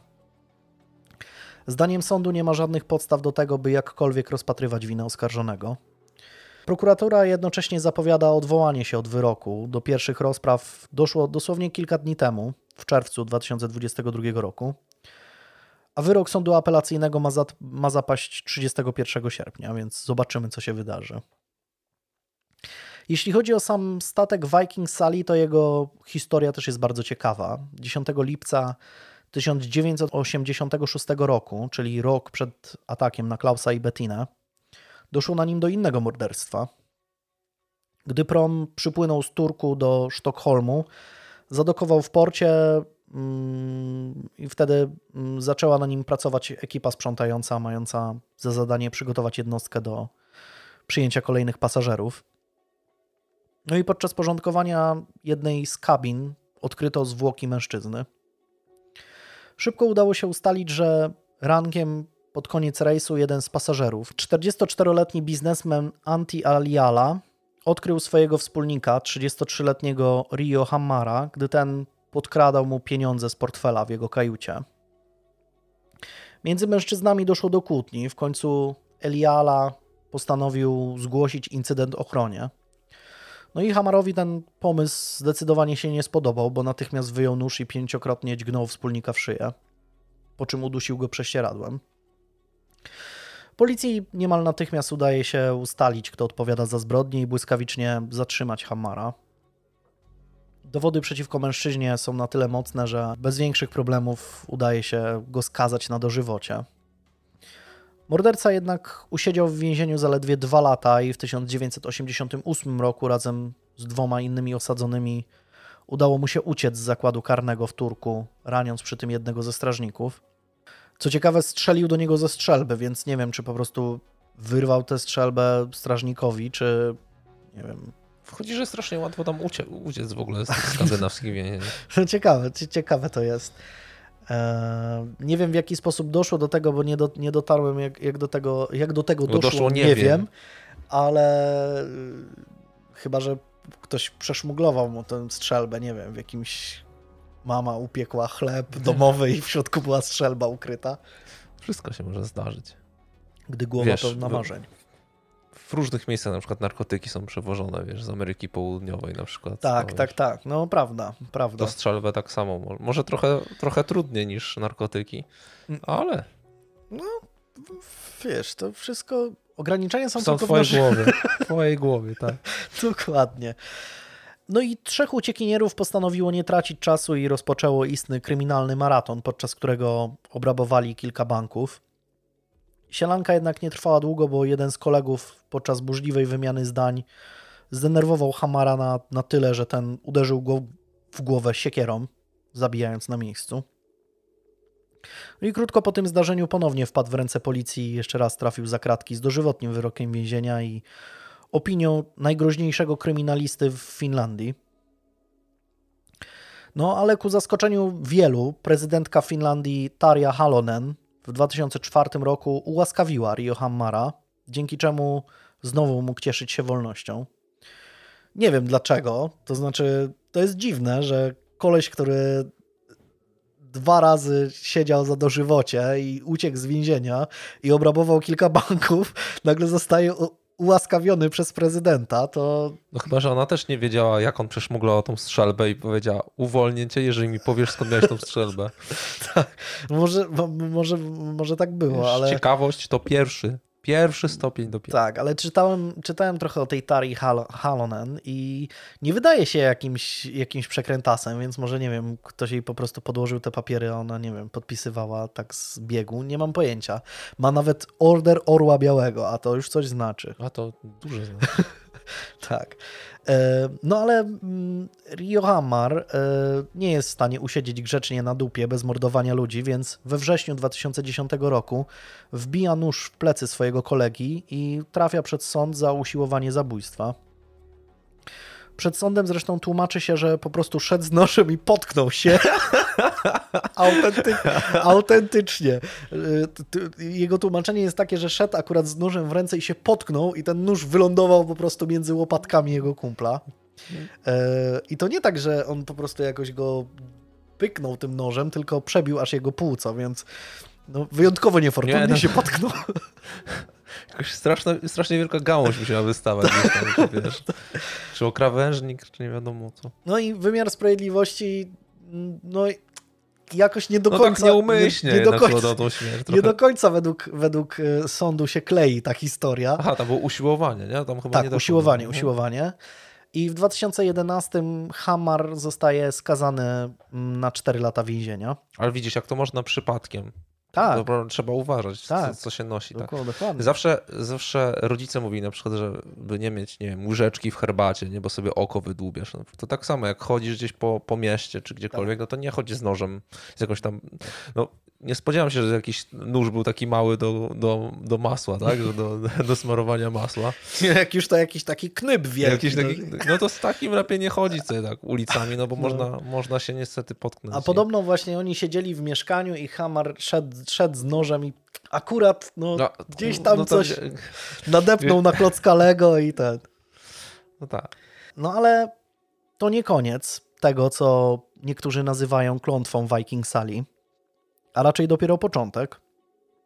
Otóż w 1993 roku statek trafia do estońskich linii pasażerskich Estline i zmienia nazwę na MS Estonia. Niektórym już może to coś mówić. No i statek obsługuje wtedy połączenie Stalina do Sztokholmu. Jest wtedy mm, największą e, estońską jednostką pływającą i taką perłą ma symbolizować uniezależnienie się od Związku Radzieckiego i niepodległość kraju. W środę 28 września 1994 roku MS Estonia płynie ze swojego macierzystego portu do stolicy Szwecji. Na pokładzie jest 803 pasażerów i 186 członków załogi, łącznie 989 osób. Jednostka jest lekko przechylona na starburtę ze względu na nieumiejętne rozłożenie masy, zwłaszcza na pokładzie samochodowym. Warunki atmosferyczne są zdecydowanie niesprzyjające, choć wszystkie statki na Bałtyku w tym czasie pływają zgodnie z rozkładem. Jest dość zimno, około 10 stopni Celsjusza, wiatr wieje z siłą 7-8 stopni w skali Beauforta, a fala ma wysokość od 4 do nawet 6 metrów. Problemy zaczynają się o godzinie pierwszej w nocy, gdy prom zbliża się do wysp w okolicach Turku.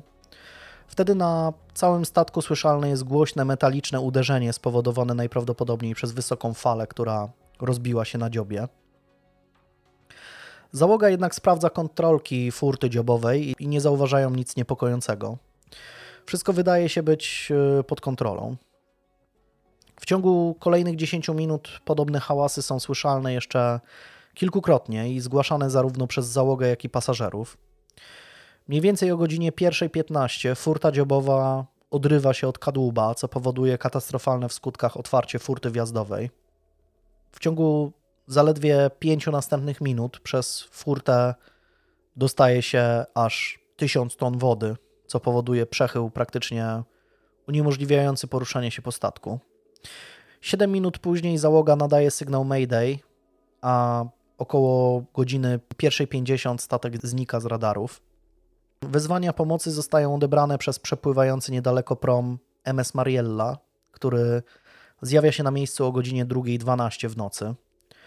Pierwszy helikopter ratunkowy jest tam dopiero godzinę później, prawie godzinę później. Ze wszystkich ludzi na pokładzie uratowano zaledwie 138 pasażerów, z czego jedna osoba zmarła później w szpitalu.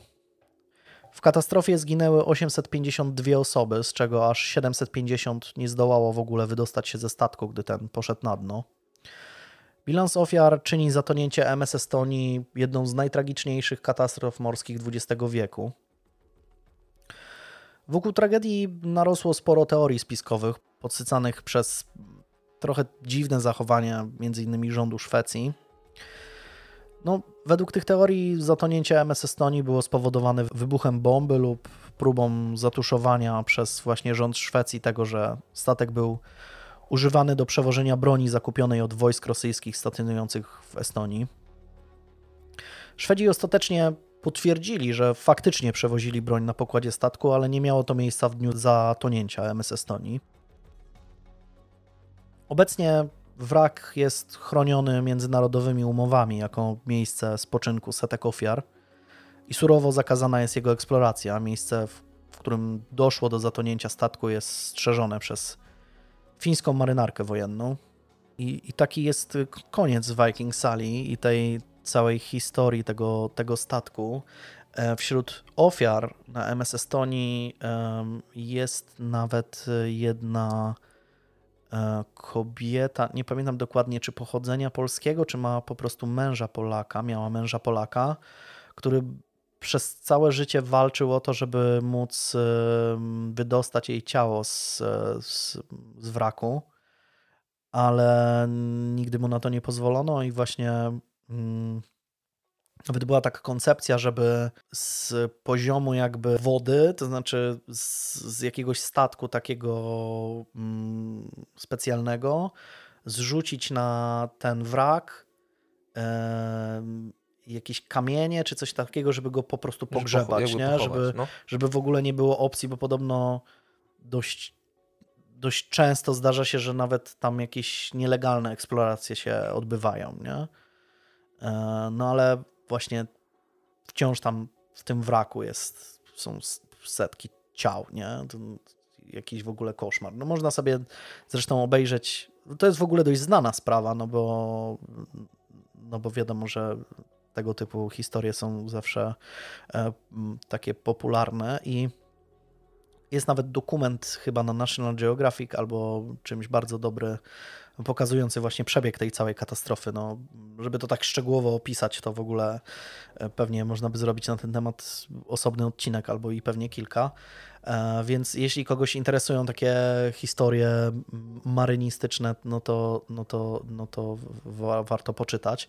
E, w ogóle konstrukcja tego statku była na tyle ciekawa. To konstrukcja to się nazywa RORO, czyli ten kadłub był otwierany jakby dziób e, statku był podnoszony i mm, w wyniku wady konstrukcyjnej ten dziób praktycznie cały się, się oderwał. oderwał. od reszty mhm. kadłubu i w wyniku tego no, się wlały hektolitry. Tak, ta, ta, ta dziura była przeogromna, nie? no bo jeśli e, nawet poszycie jakieś kadłuba zostaje mhm. przerwane, czy następuje jakieś pęknięcie, no to mimo wszystko ta dziura nie jest na tyle duża, żeby tak szybko nabierać wody, a tutaj stało się to praktycznie błyskawicznie.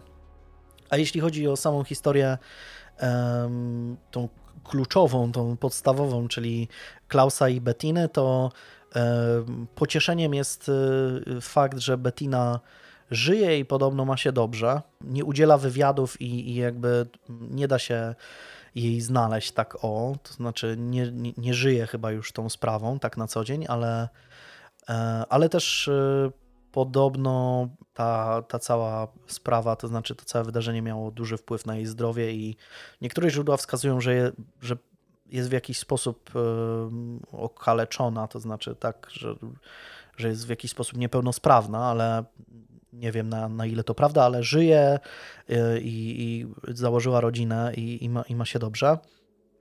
No a w kwestii procesu, no to tak jak mówiłem, ma być werdykt 31 e, sierpnia, więc zobaczymy, co się wydarzy, chociaż jakichś większych nadziei bym do tego nie, nie, nie przywiązywał, szczerze mówiąc. No, powiem ci, że bardzo ciekawa ten twist z tą zmianą nazwiska, że okazało się, że ten gościu, który tam prowadził wywiad, no, jestem pod wrażeniem. Grzegorzu. życie, kawał, kawał ży, dobrej roboty. Życie pisze najpiękniejsze scenariusze, albo takie najbardziej kryp, krypne. Mm, tak, tak, tak nie, jest. No, no zobaczymy. Super. Znaczy, facet jest bardzo obiecującym podejrzanym, no i tak jak no, widać, że. Znaczy, wystarczy, no, ja wstawię jego zdjęcia. E, nawet jak się wpisze jego. E, jest taki artykuł na którymś z fińskich portali, gdzie e, tytułowym zdjęciem jest taki, nie wiem, gif albo takie wideo zapętlone, gdzie on się tak śmieje po prostu jak taki szaleniec, nie? No ewidentnie, tak jak mówię, no Fino, bardzo mi się spodobało to powiedzenie, no nie ma wszystkich muminków w Dolinie ten chłop, e, no ale z drugiej strony też jeśli nie ma konkretnych dowodów, żeby go skazać, tak jak w wypadku bo Czesława Mikniewicza, nie jest to jakieś super porównanie, przepraszam panie Czesławie, niech pan mnie nie pozywa o to. Może no, napiszę jeśli... też pozdrowienia z wiatraka. jeśli, jeśli nie ma twardych dowodów, żeby kogoś skazać, no to niestety ta osoba, no jest takie coś jak domniemanie niewinności, no i nie można po prostu no, kogoś skazać tylko dlatego, że, że, że się, śmieje, śmierdzi że się śmieje na rozprawach, czy że nie ma wszystkich muminków w dolinie, nie?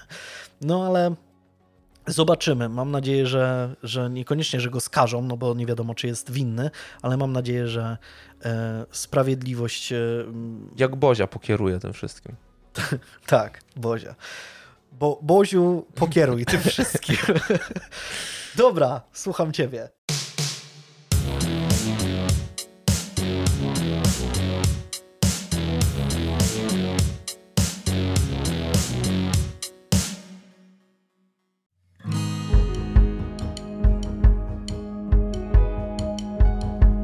Dzisiaj chciałem opowiedzieć historię z Polski, w sumie chyba to nawet zapowiadałem ostatnio że to Maroko to tak nagle wyskoczyło tak z przysłowiowej dupy.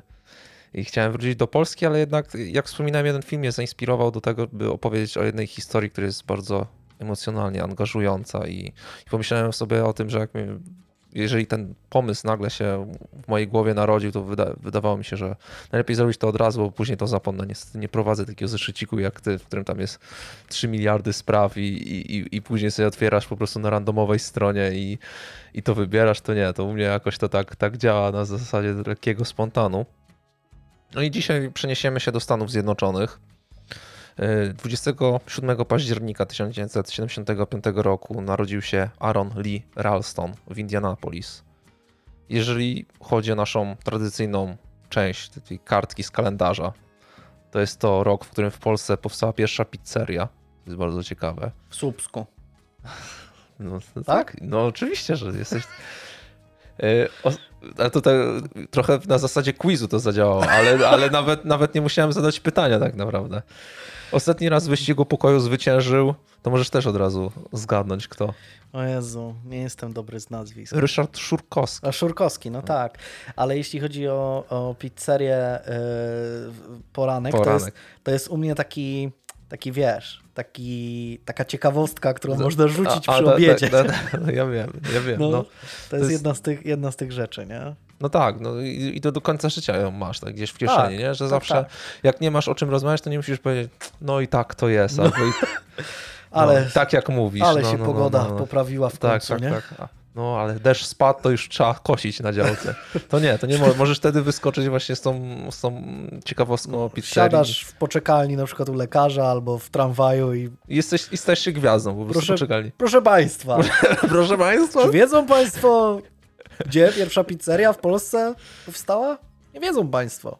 Pizzeria Poranek, Słupsk. No. Dziękuję. No. I ludzie, wiesz, tam obłożnie chorzy w nagle. Wstają. Wstają, jak, kierowca Jak klaszcze. łazarz. Jak... no, powinieneś być takim, wiesz. No, no Fizjoterapeutą tak. dusz. Ja tylko, ja tylko na swoje usprawiedliwienie, w mojej historii nie było y, kalendarium, bo 87 rok był już wcześniej omawiany w, w jednej z moich historii, hmm. dlatego nie było, nie chciałem się powtarzać. Ale, ale my to też fajnie robimy, nawet nie wiedzą, bo my nie znamy swoich historii nawzajem. Tak. Też wydaje mi się, że to fajnie, fajnie wychodzi, że wyczuwamy nawzajem, kto będzie miał kalendarium, bo jeżeli ty masz kalendarium, to ja nie mam kalendarium, jeżeli ja mam kalendarium, to ty akurat nie masz kalendarium, więc... No tak, tak, Więc tak, jakoś, no, tak, jakoś tak dobrze, tak, się, tak się składa, nie? No, to, to jest... To... to bardzo miło. Y, Skazanym mm, w tym roku zostaje na przykład Zdzisław Marchwicki, znany powszechnie jako wampir z Zagłębia. Jeżeli chodzi o świat, to Chiny i Botswana nawiązały stosunki dyplomatyczne. Richard Ratsimandrawa w dniu 5 lutego obejmuje urząd prezydenta Madagaskaru. Nie cieszy się zbyt długo, bo zostaje zamordowany 6 dni później. Odbywa się premiera filmu Szczęki. 16 sierpnia pierwszy raz zostaje aresztowany amerykański seryjny morderca Ted Bundy, a 31 października Queen wydaje singiel Bohemian Rhapsody. Jeżeli chodzi o rówieśników Arona, to urodzili się w tym roku m.in. Bradley Cooper, świętej pamięci Gienek Kloska, Łukasz oraz Paweł Golec, czyli słynny na cały świat. No Golec tak. Orkiestra. Wspominałeś o tych muzycznych hitach, no to tu, tu tym bardziej, jeżeli narodził się na przykład Łukasz i Paweł Golec, yy, urodził się też innymi Łukasz Zagrobelny, czyli bardzo mocny muzycznie rok. No. Faktycznie. Jeżeli chodzi o, o, o sport, to Ray Allen, Tiger Woods czy David Beckham, Nawiązując muzycznie, też Enrique Iglesias. O. Między innymi. To też niezłe hiciory. Angelina Jolie, Beata Tadla. Więc, więc naprawdę zacne grono. To był bardzo dobry rok. Bardzo dobry rok, bardzo dobry mocny, rok. Jeżeli mocny. miałbym kupować jakiś alkohol, to często bym brał z tego roku. No.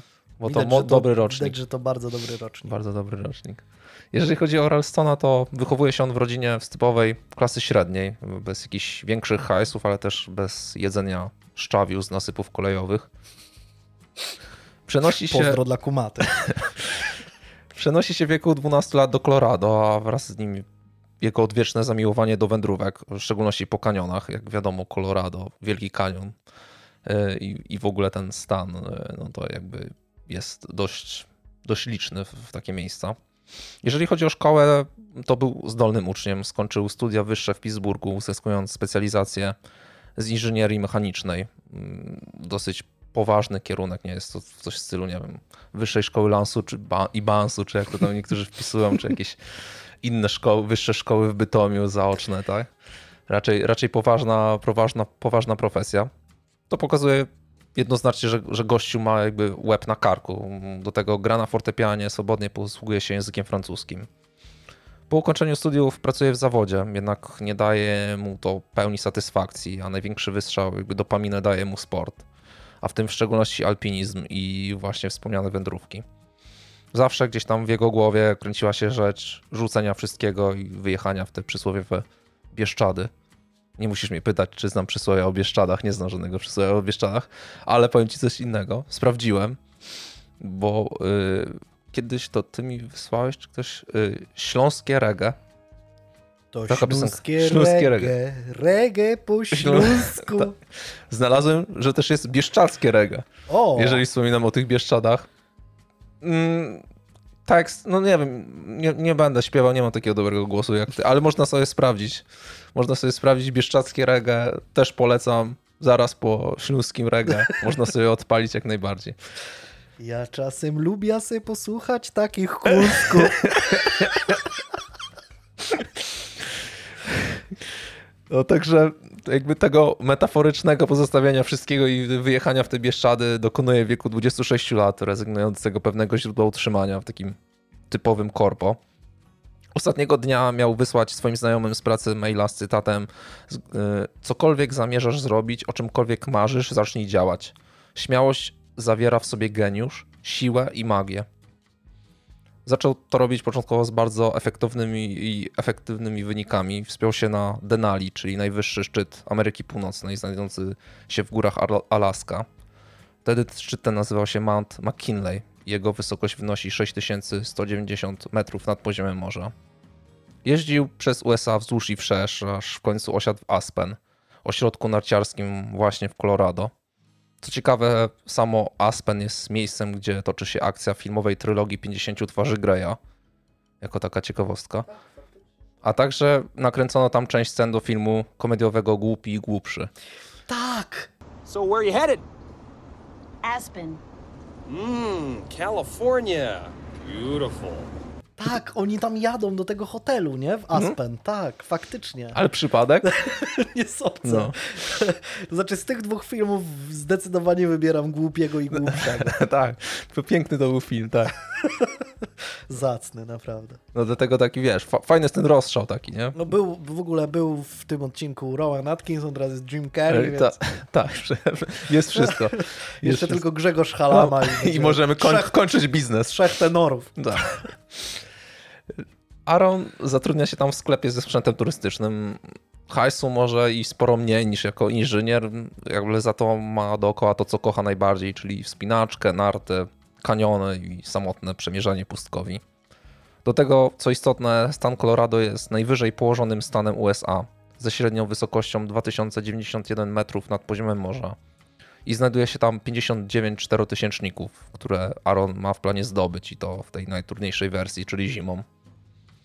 Jeżeli już jesteśmy przy tym stanie, jeżeli już jedziemy w te ciekawostki, to podobno jest to jeden z trzech stanów nieposiadających naturalnych granic. Jakby jego granicę wyznacza długość i szerokość geograficzną, czyli to jest, ma taki kształt dosłownie czworoboku.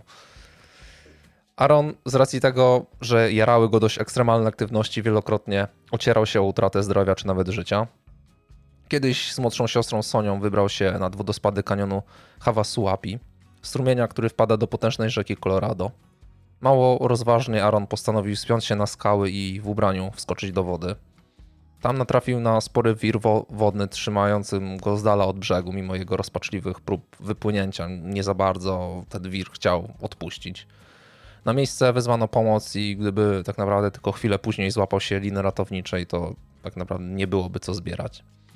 W 2003 roku wybrał się na nartach na górę Resolution w okolicach Aspen. Po wejściu na szczyt, pomimo ryzyka lawiny, zjechał ośnieżoną Niecką i do tego jeszcze namówił swoich ziomeczków, z którymi wybrał się właśnie na ten szlak. Lawina spotkała ich przy linii drzew i była to lawina piątego, czyli najwyższego stopnia, która, umówmy się, no nie, no nie jest łatwo ją przeżyć. Na pewno jakąkolwiek lawinę nie jest łatwo przeżyć, a, co dopiero e, piątego stopnia. Oni jakoś, nie wiem, z dziw, dziwnego powodu przeżyli. Udało im się w jakiś magiczny sposób, Bozia nad nimi trzymała rączkę i udało im się dotrzeć na dół w jednym kawałku. Sam Ralston dziwił się i chwalił, jakiego to ma dobrego anioła stróża. Jednak cała ta jego aktywność to prowokowanie losu prowadziły go nieubłaganie w decydujący punkt jego życia. 26 kwietnia 2003 roku Aaron porusza się dnem rzadko odwiedzanego kanionu Blue John w Parku Narodowym Kanionów w stanie Utah. Przed wyjazdem nie informuje nikogo, gdzie idzie, jaki ma plan i kiedy wróci. Przy tak trudnych aktywnościach jak kanioning czy alpinizm, wydaje się to mocno lekkomyślne. Chociaż ciężko w sumie wyrokować, czy to jest jakby, nie wiem, nieodpowiedzialne, czy coś, no bo jak Pola Polacy często mają tak, jak ktoś, nie wiem, umrze, nie wiem, jak w, w, w górach, tak, no to powie, po, po co tam szedł, nie? Na, na, na takiej zasadzie. No, no, jeżeli gościu był y, doświadczonym, doświadczonym wspinaczem, doświadczoną osobą, do, do, doświadczonym podróżnikiem, który miał ze sobą wodę, prowiant, sprzęt, to wszystko, no to wydaje mi się, że dużo mniej odpowiedzialne jest, nie wiem, wsadzenie sobie słoika w tyłek i nagranie tego. No to słoik może pęknąć, nie? Albo wziąć...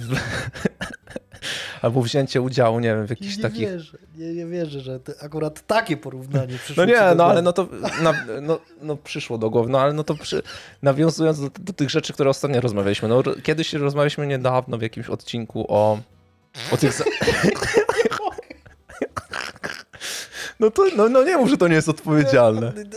No to jeżeli byś był doświadczonym podróżnikiem, to moim zdaniem bardziej odpowiedzialne jest nie powiedzieć nikomu, że idziesz w kanion sobie samotnie, niż, niż nagrywać to, jak siadasz na, Oczywiście, że tak. Na butle od wanisza. na butle od wanisza na przykład. No ale, ale nawiązując do takich poważniejszych rzeczy, którą, którą, y, o której też rozmawialiśmy, na przykład branie udziału w tych zawodach na plaskuny.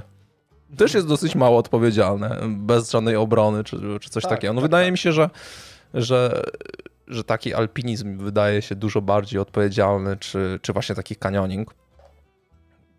Ciężko jakby, ciężko wyrokować, tak? Y, nie wiem, nie ma chyba sensu tutaj jakby tego wszystkiego wartościować w jakikolwiek sposób. No tak, zgadzam się. W trakcie tej swojej wędrówki Aaron spotyka dwie dziewczyny o imionach Christy i Megan. Umawiają się nawet na jakąś wspólną imprezę wieczorem. Jest to taka typowo przelotna znajomość, więc kobiety nie zdziwią się, gdy nowo poznany młody mężczyzna wieczorem nie zawita na umówionym melanżu. Nasz bohater już pojedynkę schodzi do najwęższego odcinka kanionu, gdzie ściany o wysokości kilkunastu metrów zbiegają się na odległość nawet i 40 centymetrów. Wydaje się to mocno klaustrofobiczne miejsce, ale Aaronowi nic to nie robi. Przechodzi pod pniem drzewa, mija kilka zaklinowanych głazów, które zostały przeniesione najprawdopodobniej przez wezbrane wody. Mimo, że jesteśmy na pustyni Moab, to dość łatwo sobie wyobrazić, że każdy deszcz i każda woda, zgodnie jakby z grawitacją, spływa w dół i do wąwozu i właśnie w takim wąskim odcinku potrafi wezbrać do wysokości nawet kilku metrów. To jedna jakby z bardziej niebezpiecznych sytuacji w, w, w tym hobby, nie licząc oczywiście upadków z wielkich wysokości. Aaron zatrzymuje się przy jednym z głazów niedaleko dna kanionu, około 3 metry nad powierzchnią. Staje na kamieniu, zwiesza się na rękach, próbując upuścić się na nim na długości rąk, aby zeskok na ziemię był jak najłagodniejszy. Skalna bryła pod ciężarem Ralstona przesuwa się i luzuje w ścianach kanionu. Chłopak odskakuje i rękoma zasłania się przed zbliżającym się w jego kierunku ogromnym głazem. Ten odbija się rykoszetem od ściany i przegniata mu prawą dłoń do litej skały kanionu. Dopiero po chwili, gdy adrenalina przestaje działać, zaczyna odczuwać przerażliwy ból. Zaczyna szarpać się, przeklinać, krzyczeć, próbując w jakikolwiek sposób przesunąć kamień. Nie daje to jednak zupełnie nic, a głaz nie przesuwa się, choćby o milimetr. Po stracie ogromnej ilości energii na tą walkę w końcu zdaje sobie sprawę, że czas się uspokoić, pogodzić się z myślą, że, że jest uwięziony. Zaczyna się proces myślowy. Przed wyjściem, jak wspominałem, nikt o nie poinformował.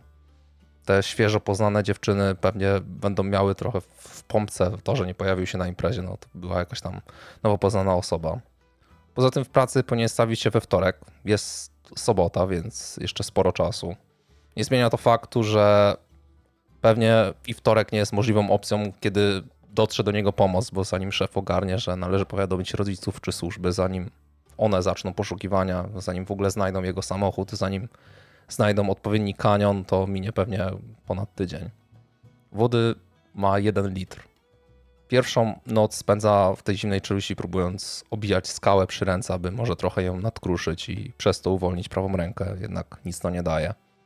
Dość szybko wpada mu do głowy myśl o konieczności amputacji, jednak sama myśl o dojściu do samochodu zaparkowanego 13 km dalej z odciętą dłonią wydaje się niemożliwe do realizacji. Zanim dotrze na miejsce, no to łatwo się wykrwawi, poza tym ma przy sobie jedynie multitool, którym raczej niełatwo przepiłować sobie kość. Ma przy sobie kamerę, rejestrując siebie, przeprasza najbliższych za to, co się stało. Część nagrania, o którym mówię, w którym mówi jakby kim jest i gdzie dostarczyć to nagranie, jeżeli zostanie znalezione. On będzie nieżywy, zginie w tym miejscu. Można z łatwością znaleźć na YouTubie. Widać na nim już prawie pogodzonego ze swoim losem Arona, który ucieka tam dosyć mocno swoim przerażonym wzrokiem, zamykając oczy, wypowiadając kolejne słowa. Widać jakby w tych oczach przerażenie i, i, i to, że, że śmierć się zbliża. Zaczyna się walka jego życia. W nocy temperatura spada do 12 stopni, a w tym wowozie wiatr podwaja uczucie zimna. Bo jak wiadomo, wiatr jest najgorszy zawsze, nie? Tak. Może być ciepło, ale jak jest wiatr, to jest zimno, tak? Prawda. Chłopak z pokrowców i reklamówek robi prowizoryczne rękawy, a z liny spinaczkowej namiastkę spodni. Jest w takim miejscu tak mocno oddalonym od zamieszkałych części stanu, że ciężko mieć nadzieję, że zaraz ktoś go odnajdzie, przechodząc sobie od tak w okolicy. Przez pięć bitych dni próbuje się uwolnić. W międzyczasie wypija resztki wody, dojada ostatnie elementy prowiantu. W głowie ma te wszystkie dobra, które pozostały w samochodzie, gdzie, gdzie pozostały pojemniki z wodą, czy napoje energetyczne, jakieś owoce, czy inne słodycze. Teraz musi zadowolić się odrobiną wody, którą wyznacza sobie do picia co 3 godziny. Gdy traci już całą wodę, w akcie desperacji pije własny mocz. Na ścianie kanionu wydrapuje swoje imię, datę urodzenia i skrót RIP. Z uwagi na odwodnienie, panujące warunki atmosferyczne i całą tą, umówmy się, mocno gównianą sytuację, zaczyna mieć omamy. Wyobraża sobie, że w, w sobie wciąż jakby zimne napoje, wszelkie dobre jedzonko, które spożywał, jak to, jak to do tej pory było fajnie. Zaczyna wpadać w coraz mocniejsze odjazdy, widząc osoby, które tak naprawdę nie istnieją, do jego głowy napływają coraz to nowe wizje. Rytm dnia nadaje mu kruk, który codziennie przelatuje nad jego głową. Jest to dość straszne, gdy jakby zdasz sobie sprawę, co kruk najczęściej oznacza w filmach czy książkach. Zmiażdżona dłoń zaczyna się rozkładać, co przyciąga na ucztę owady. W końcu dochodzi do niego smutna prawda, że jedyną formą ucieczki, dzięki której pozostanie przy życiu, jest amputacja. Do tej pory podejmowały jej próby, jednak ostrze multitula nawet nie drasnęły skóry, gdy chciał naciąć przedramię. Wpada jednak teraz na genialny pomysł, który wydaje się być już totalnym hardcorem. Postanawia wygiąć rękę, złamać kość, dzięki czemu przeprowadzi amputację i uwolni się z przygwożenia przez ten nieszczęsny blok skalny. Wykorzystując dźwignię przy użyciu sprzętu wspinaczkowego łamie kość promieniową i łokciową, a następnie za pomocą kombinerek i scyzoryka z multitula zaczyna przecinać tkanki i ścięgna. Trzeba przyznać, że to dość gruby hardcore i ciężko sobie wyobrazić ten ból, ale Aaron, będący na granicy życia i śmierci, robi to bardzo umiejętnie i z głową. Początkowo przecinając mięśnie, następnie ścięgna, które szarpie kombinerkami, a dopiero na końcu naczynia krwionośne, aby stracić jak najmniej krwi. Po godzinie torturowania tak naprawdę samego siebie jest wolny. Szybko wija kikut i rusza dnem kanionu po pomoc. W trakcie powrotu musi jednak cały czas wykazywać się swoimi umiejętnościami spinaczkowymi i survivalowymi. Przykładowo jedną ręką mocując linę, aby zjechać z 20-metrowego uskoku skalnego. Gdy tylko widzi jakąś wodę w formie kałuży czy czegokolwiek, zaraz wypija ile może, nie zważając na to, co to za woda i czy nadaje się do picia. Jest tak spragniony, że nie ma to dla niego najmniejszego znaczenia. Po około 10 kilometrach marszu spotyka holenderskich turystów. Nie wiem, być może szukali jakichś wiatraków czy coś. No, bardzo możliwe. No oni od razu jak spotykają go, widzą jak wygląda cała sytuacja, wzywają helikopter, który zabiera wycieńczonego mężczyznę do szpitala. Przez te 127 godzin stracił 20 kg, a po odcięciu ręki 1,5 litra krwi. Historia niezłomnego mężczyzny, który odciął sobie rękę szybko, staje się łakomym kąskiem dla mediów i prasy. Aaron stał się gwiazdą, występując w wielu wywiadach czy programach telewizyjnych.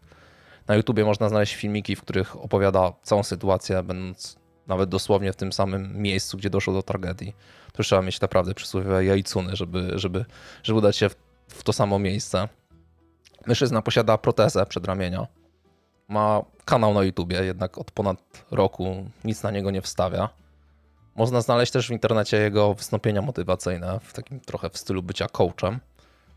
Y, Mocno jakby też w, ty, w tych swoich przemówieniach wykorzystuje te swoje przeżycia związane właśnie, właśnie z tą sytuacją w kanionie. Sam po półtora roku od wypadku wydał książkę, która jakby najlepiej oddaje to, co tam się wydarzyło. Książka nazywa się Between a Rock and a Hard Place. I w nawiązaniu tej historii i w oparciu o tą książkę powstał film z Jamesem Franco o nazwie 127 godzin, który jakby bezpośrednio jakby zainspirował mnie do przygotowania czegoś na temat tej, tej, tej niesamowitej historii. Zatem James Franco też była istotna postać w tym procesie y, stulecia u Amber i Johnego, więc, więc, więc tym bardziej osoba teraz na świeczniku. Film bodajże z 2010 roku, o ile się nie mylę, tam on był chyba nawet on był chyba nawet nominowany do Oscarów. Tak, w ogóle z bardzo, bardzo czasu dość głośno. bardzo było, głośny no? film, tak. No. Bardzo, bardzo fajny i ciekawy film. Y, samych jakby odniesień w tej kulturze światowej i przede wszystkim amerykańskiej jest sporo. Widziałem odcinki Simpsonów z tym związane. Y, oczywiście Happy Tree Friends, no bo to jakby historia jakby automatycznie najbardziej pasuje, tak? Odcinanie przecinanie sobie nerwów i ścięgiem kombinerkami, no to jakby pasuje do koncepcji. Bardzo pasuje. Do koncepcji serialu Happy Tree Friends. I tak się historia kończy. No, y, Aaron cały czas żyje na szczęście. Nie wiem, nie wiem czy wiele osób by miało tyle, tyle, tak, tyle siły w sobie, odwagi i żeby, żeby dokonać tego, co on dokonał, do tego jednak podejść do tego z głową, tak? No bo jeżeli on by nie złamał tej kości, to by nie był tak naprawdę w stanie tego zrobić. Nie wiem, czy historię znałeś, znaczy do tego próbowałem na początku nie wspominać za bardzo o co chodzi, bo no, ten film jest dość znany, historia jest tam gdzieś jakoś, jest jakoś kojarzona. Ja, ja przynajmniej wiedziałem po tym filmie, ja go oglądałem bardzo dawno temu. Wiedziałem, że ta, taka sytuacja miała miejsce ale no, nawet nie miałem świadomości chyba, że tak do, tak do końca, że, że to jest historia tak naprawdę na faktach i to jest historia totalnie y, prawie jotę w jotę z, z, tej książki, nie? No, y, o tym filmie słyszałem, y, bo, bo właśnie pamiętam, że, że, że jak on się pojawił, to, to, to było o nim głośno.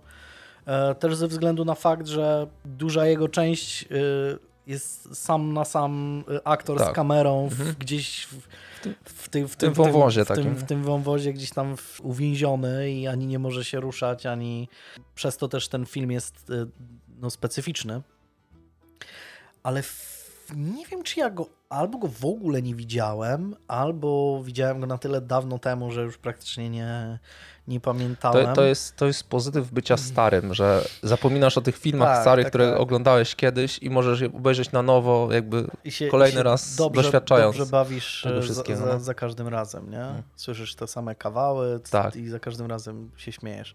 No tak, to, to prawda. Tylko nie wiem z jakiego powodu mi się ubzdurało, że on rowerem jechał. Czy... Znaczy, wiesz co, nie wiem, czy tam wątek, że on rowerami też jeździł po tych, po tych wąwozach. Coś tam takiego mi się jakoś ubzdurało, że on, że on tam rowerem był. To zapamiętałem, ale no historia jest historia jest y, koszmarna, jeśli chodzi, jeśli chodzi o te szczegóły. Tej... Nie, jak odpalisz empatię, jakby odpalisz takie wejście tak, w jego no. głowę i w to, co musiał no, dokonać, trzeba no to mieć jest... jakąś ogromną wolę przeżycia, nie? No nigdy nie wiesz, jak się zachował, nie? Oczywiście, że tak, nie? No, oczywiście, że tak. Mega ciekawa sprawa i znowu taka, taka niecodzienna. No, nie ma tu żadnego zabójstwa, nie, ale krew jest. Krew zdecydowanie, krew jest. tak. tak krew tak, jest. Jest, jest. No, jest. No, zdjęcia są na pewno. Zdjęcia, tak, zdjęcia więc, są. Więc będą, będę miał co wstawić na miniaturkę, jakieś ścięgna powyrywane. Y, oczywiście też polecam, nawet wystarczy wpisać imię, nazwisko na, na YouTube. Jest sporo wywiadów. Tak naprawdę są, tak jak wspominałem, są wywiady dosłownie z samego miejsca zdarzenia, gdzie on to wszystko opisuje, już mając tą protezę. Mhm. Więc to jest mega ciekawe. Oczywiście po angielsku, mimo że jesteśmy w Polsce, no da się to zrozumieć. No. Mhm. Włączyć sobie napisy czy cokolwiek takiego i, i nie będzie problemu. Jest tego, jest tego sporo no, no, rzeczywiście gdzieś tam można znaleźć ten filmik, ten krótki, w którym on wspomina o tym, jak się nazywa, gdzie się urodził, gdzie są, jak, ma, jak nazywają się jego rodzice, jakby, żeby im przekazać to, to wideo, jeżeli już zostanie znaleziony. Mm, to w ogóle jaki to musi być psychicznie hardcore, nie? No. Że nagrywasz takie pożegnanie, nie wiem, taki nekrolog swój no, nagrywa. Testament taki lekki, taki testament bez testament, no. no. No, no musi, to by, musi to być naprawdę przeżycie nie do zazdroszczenia. Mm, ale e, w takim razie odsyłamy do e, do źródeł, które będą podane pod, e, pod odcinkiem. Odsyłamy do Facebooka, na którym zawsze są zdjęcia i odsyłamy oczywiście do naszego Patronite'a, czyli patronite.pl ukośnik no nie gadaj i możecie też znaleźć ten link e, w opisie e, naszych, naszego odcinka. No minęliśmy, minęliśmy jeden próg, więc to warto też zaznaczyć bardzo. Tak, będziemy, będziemy został- konstruować e, będziemy konstruować box. Tak, no właśnie, jest box, e, więc z pewnością w tym miesiącu zostanie wybrana jedna, je, jeden z naszych patronów, do którego trafi box pełen super różnych gadżetów true crime'owych, gadżetów naszych podcastowych i innych super rzeczy. E, Ale też jest jeszcze drugi próg, e, którego odblokowanie podwaja wartość boxa i będzie jeszcze więcej rzeczy i jeszcze więcej. e, No tam już cuda na kiju, tam już cuda na kiju. tam już po prostu sky is the limit. E, więc e, mamy całą masę pomysłów, którą e, chcemy, chcemy zrealizować i cieszymy się, że pomagacie nam w realizacji tych pomysłów, więc to jest naprawdę super. I to wszystko na dzisiaj. Dziękujemy Wam serdecznie i słyszymy się już niedługo w następnym odcinku. Cześć. Podziękowania dla patronów. Jesteśmy szczególnie wdzięczni tym, którzy zdecydowali się nam zaufać i zainwestować w nasz rozwój znaczne kwoty.